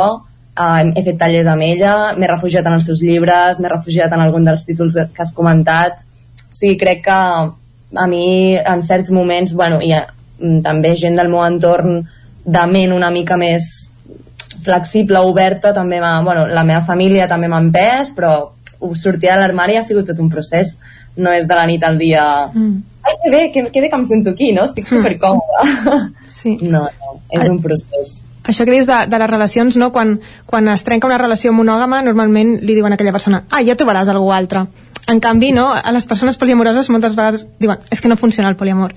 I és, és, és un, un comentari bastant, bastant recurrent. Es busca, i, i de fet suposo que us, dintre de que és un procés eh, llarg, que ja porta darrere una, una clara determinació per voler portar les relacions d'una manera, una mica lligat amb el que deies ara, no? Suposo que cada vegada que hi ha alguna despunta de patiment, perquè jo intueixo que, que els sentiments com les inseguretats i els gelos no és que desapareguin perquè Mhm. decideixes portar les relacions d'aquest tipus, sinó que Mhm. decideixes gestionar-les d'una manera diferent, però segurament això també us, us fa qüestionar constantment aquestes inseguretats si el que deia ara la Zoya, no? una mica que de seguida et qüestionen si igual és que has de tenir les relacions d'una altra manera, no? Sí. És interessant que, que et fa qüestionar-t'ho tot i això està molt bé perquè no, ho treu tot a la llum no? potser a vegades les inseguretats no? hi són, tinguis eh, una parella o Són sempre les inseguretats, clar, les clar. pots treballar, de fet poden desaparèixer jo crec que sí, la veritat crec que es poden treballar i que poden desaparèixer o, o, o viure-les d'una altra forma um, però clar eh, eh, les has de treure la llum i a vegades eh, seguim models que són el que ens han, ens han ensenyat i potser no són els que a nosaltres ens funcionen i, i un cop decideixes començar a deconstruir o a veure què m'han ensenyat i què sóc jo no? una cosa que jo busco molt és qui sóc jo i qui són les coses que m'han imposat o que m'han ensenyat i aleshores això ha sigut treure tot a la llum i, i veure quines coses em quedo i quines, i quines no Mm -hmm. mm. La Selena està preparada per ser terapeuta, ella. Ai, ostres! Sí, no, perquè té tota la raó, no? Al final, des d'un punt de vista psicològic, doncs, és agafar eh, és dir, bueno, un treball d'identitat no? pura i dura i de, de gestió emocional i lligat aquí amb, amb, amb una mica amb la temàtica de veure si estem capacitades o no estem capacitades eh, com a societat, que has dit a la intro, no? Jo penso que aviam, la cosa és complicada perquè es necessita moltíssima, moltíssima intel·ligència emocional, eh, una capacitat de gestió eh, i autoconeixement mm, tremendos i bueno, crec que tampoc penso que hagi de ser el model per tothom. És a dir, i això és una cosa que en aquests 10 anys he canviat també en la meva estructura, no? Al principi, jo, quan vaig començar a experimentar-ho així, sobretot coneixent tants casos durant tants anys no? de, de matrimonis o de parelles que no han funcionat dins d'una monogàmia o la quantitat de persones que coneixem que, que hi ha infidelitats, no? Mm. i infidelitats que després es solucionen però moltíssimes relacions que hi ha infidelitats des de fa anys que no se saben no? i això em feia qüestionar molt no? per què no podem viure des d'una sinceritat i una honestedat i en el fons doncs, hi ha una gran part que ve de la por i de, de no voler gestionar però també hi ha una gran part de la, de, la, de la societat i de les persones que decideixen no invertir la seva energia en això. Mm. És a dir, mm, els aporta relacionar-se, prefereixen tancar les seves relacions i, i, i invertir la seva energia en altres coses, però hi ha persones que ens surt natural relacionar-nos així mm. i tenir connexions, com deies, m'ha encantat la frase que has dit del llibre, no? que mm, no solo tienes que tener, no, com era una... No basta una, un amor para conocer el amor. Mm -hmm. Para conocer el amor, no? Crec que hi ha molts tipus d'amor però mm. sí que és veritat que potser tant jo com la Selena doncs, compartim l'amor amb intimitats de diferents graus no? I, i hi haurà gent que és o totalment una intimitat o no tinc ja, no creu aquest límit d'intimitat mm. doncs crec que això és, és part del que estava comentant la Selena de, de conèixer-te tu mateixa i dir vale, on estan els meus límits? Però bueno, el tema dels límits que... Mm. Aquí has, obrit, has obert ara un, un meló interessant, eh? que és el, el tema dels límits, perquè entenc també que d'alguna manera amb una relació on no hi ha caselles, perquè ara d'alguna manera, Zoya, amb el que apuntaves, parlem d'aquelles etiquetes de... Mm de dintre d'una relació monògama on se suposa que si ets parella porta implícit tota una sèrie de coses i si ets amic porta implícit tota una sèrie d'altres no? Uh -huh. uh, entenc que aquí juguem els grisos d'alguna uh mm. -huh. manera és no haver no existeix la necessitat d'anar encasillant les relacions constantment i hi ha tot un, tot un ventall i tot aquest ventall entenc que porta quan tu tens una, una relació d'aquest tipus a establir amb un full en blanc quins són el, mm. els límits del patiment, per si dir-ho, o de l'estructura que es vol crear amb una, amb una relació, mm. però això també és una feinada. Mm. Sí, de fet, um, per mi el poliamor forma part d'una cosa que per mi és més gran, que jo més que poliamorosa m'identifico com a anar anarquista relacional, uh mhm. -huh. i el poliamor entra dins d'això. L'anarquia relacional, que potser pot espantar una miqueta aquest nom, és bàsicament... Sona que... punky, però... Exacte, sona punky. uh, és construir cada relació a mida de les persones que en formen part. Uh mhm. -huh. I que no hi hagi una jerarquia arbitrària, no? És a dir, moltes vegades en la monogàmia és és la parella, no? aquesta és la meva parella i per tant això la situa en una posició de jerarquia per sobre dels amics, de les amigues i aleshores eh, per mi l'anarquia relacional és trencar amb això és, eh, cada vincle el construeixes amb les persones involucrades i, i la jerarquia, pot ser que hi hagi alguna jerarquia, no? perquè tots jerarquitzem, no? potser a mi m'agrada més passar el temps amb una persona que amb una altra, però que sigui una jerarquia que no vingui mm, donada per una estructura, sinó que és la teva, la jerarquia del teu cor, o com, com li vulguis dir. I, I una cosa que volia dir abans amb el que comentàveu de um, monogàmia, no monogàmia, una cosa que sí que crec que sempre és important que també les persones no monògames eh, diem és, és que mm, no hi ha res, o sigui, no tenim res en contra de la, eh, de la monogàmia ni creiem que la no monogàmia és millor però sí que a mi em molesta que sembli a vegades que és l'única opció possible a la monogàmia i per mm. tant crec que sí que és important eh, o sigui, no que una cosa sigui millor que l'altra sinó que que veure que és una opció més, sigui poliamor, sigui anarquia relacional, sigui poliamor jeràrquic, o sigui, mm, tots els tipus diferents de, de poliamor que, que hi pot haver o d'estructura de, o de relació. Entenc, doncs, que amb l'anarquia eh, relacional, ho dic bé, mm -hmm, eh, sí. d'alguna manera no, la fulla en blanc eh, es queda bastant en blanc. D'alguna manera, amb cada persona s'estableixen uns vincles, no hi ha uns límits en aquest sentit, no? Sí, són els que et vas construint amb, amb aquella persona i és una relació feta a mida, no? A vegades sembla que la vida sigui que vas a un sastre i et diuen aquestes són les mides que et van bé i tu t'ho proves i, i dius, oi, això em va fatal, no? Còmode, no? no? Estic, no estic còmode. doncs es tracta de fer vestits a mida. Zoya, tu has tingut la necessitat de, de marcar aquests marges en un full de relació, diguéssim? Sí, són, jo penso que són constants i, i, i que aquests límits estan a, tot, a tots els tipus de relacions. El que passa és que nosaltres decidim, doncs, com el que diu ella, no agafar els estandaritzats. Mm. Decidim, o, o la, el que marca la, la convencionalitat en aquest sentit, però crec que aquests límits estan en tot, inclús estan en les amistats, estan en les relacions familiars, vull dir, els límits um, crec que és una cosa que si no tens ben fonamentada i, i jo faig un treball personal també i és una cosa que treballo molt també amb, amb, amb, amb els pacients amb els que treballo és on estan no, els teus límits i no, no és fàcil llavors simplement és, és des del lloc on els estableixes una mica sí, sí, sí, sí. i sí que òbviament doncs, en les meves relacions hi ha hagut moments de tot i és que s'han de, és, sempre, sempre faig la metàfora no? si, si tot val o sigui, tenir una, una relació que no sigui monògama com a tal no significa que tot valgui. No, uh -huh. si tu no tens uns límits, el, tu imagina't que doncs, un líquid, un, si tens un, un, per exemple un pot amb, amb, amb aigua, no? doncs en comptes de nosaltres tenir la forma d'un got, decidim, decidim donar-li una altra forma, uh -huh. però necessitem uns límits perquè aquest líquid, perquè si no s'escampa i pots pensar en el gas, pots pensar en el líquid, es, es, es dissol, no? Uh -huh. I al final les relacions partim una mica d'aquí, doncs que sí. som, és un líquid que decideixes posar-li una forma o una altra. I els límits, perdó, és que, és que sí, són sí. molt importants els límits i, i crec que són una forma de cuidar els altres i de cuidar-nos a nosaltres mateixos. És com la millor forma per mi de, de que això pugui funcionar són els límits, posar els teus i, i respectar els dels altres, uh -huh. per això, perquè és la forma de, de cuidar-se els uns als altres. Imagino, i és molt probable, que aquest programa que estem gravant ara mateix l'estiguin escoltant parelles que en algun moment, moment s'han plantejat eh, canviar el seu tipus de, de relació, incorporar altres eh, persones, obrir-la. No sé si penseu o, o, quan vosaltres us vau, us, us vau començar si devíeu pensar tant de bo algú m'hagués dit o tant de bo hagués trobat algú perquè hi ha una, fa, una falta evident de referents de, no és un tema que se'n parli sovint què, què penseu que se'ls hi pot dir a aquestes persones que us estiguin escoltant i que us estiguin plantejant?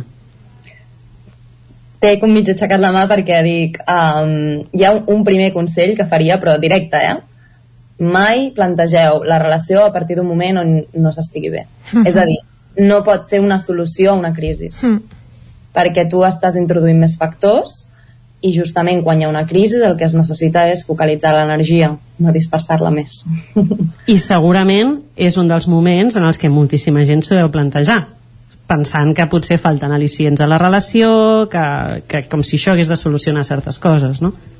Bueno, això és el que passa quan una mica um, ho veus com a moda o ho decideixes viure des d'un lloc real, real, no per mi. Bueno, sense, sense mal... O sigui, no vull jutjar, eh? Cadascú pot fer des de... Mm. Em, em refereixo és perquè, ai va, anem, doncs sí, anem a posar aquests estímuls nous, no? però que nosaltres no estem bé.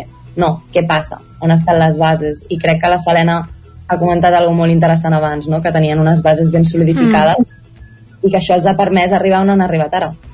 Selena, algun consell que vulguis eh, donar per les persones que ens estiguin escoltant ara mateix i que vulguin potser mm fer aquest canvi. De fet, jo diria que fins i tot si no tens referents, eh, que si creus que hi ha alguna cosa que et crida, um, que siguis tu el referent. Per exemple, una, un dels meus vincles, que és mare, eh, hi ha molts pocs referents, doncs perquè doncs sigues tu el referent i segurament aviat seré ella també el referent. Doncs amb aquestes paraules de la Selena i la Zoya ens arribava la música ja del, fi, eh, del final, del racó de pensar. Eh, passa allò de que em tinc la sensació que portem només 5 minuts parlant, però portem 25 minuts de tertúlia i m'ha passat volant. Arribem a aquest final eh, del racó de pensar. Moltíssimes gràcies a totes dues, moltíssimes gràcies Selena, moltíssimes gràcies Zoya per haver-nos acompanyat avui, haver-nos obert una miqueta les portes de la vostra vida i de la vostra manera d'entendre i viure les relacions. Moltes gràcies Moltes a les dues. Gràcies. I a totes i a tots vosaltres que ens escolteu a cada programa a través de les zones, gràcies per acompanyar-nos una setmana més al nostre raconet de pensar, ens agrada donar-li de volta a tot, rumiar, qüestionar-nos les nostres pròpies vides, divulgar i al final intentar fer les coses cada dia una miqueta millor. A totes us espero la setmana vinent en un nou programa del racó de pensar. Gràcies, Maria, una setmana més per un nou podcast, pel racó de pensar, i avui eh, aquest centrat en el poliamor. Interessantíssim, com cada setmana. Amb el racó de pensar arribem al final del Territori 17, un Territori 17 que engegàvem a les 9 del matí, en el qual us hem acompanyat des d'aquella hora Enric Rubio, Isaac Muntades, Roger Rams, Pep Acosta, Joan Carles Arredondo, Guillem Sánchez, Maria López, Clàudia Dinarès, Sergi Vives Isaac Moreno. I tornem demà, demà no, dijous, a partir de les 9. Fins aleshores, bon dimecres i bon dimarts també. Adéu-siau. Territori 17, un magazín del nou FM, Ona Codinenca, Ràdio Cardedeu, Ràdio Vic i La Veu de Sant Joan, amb el suport de la xarxa.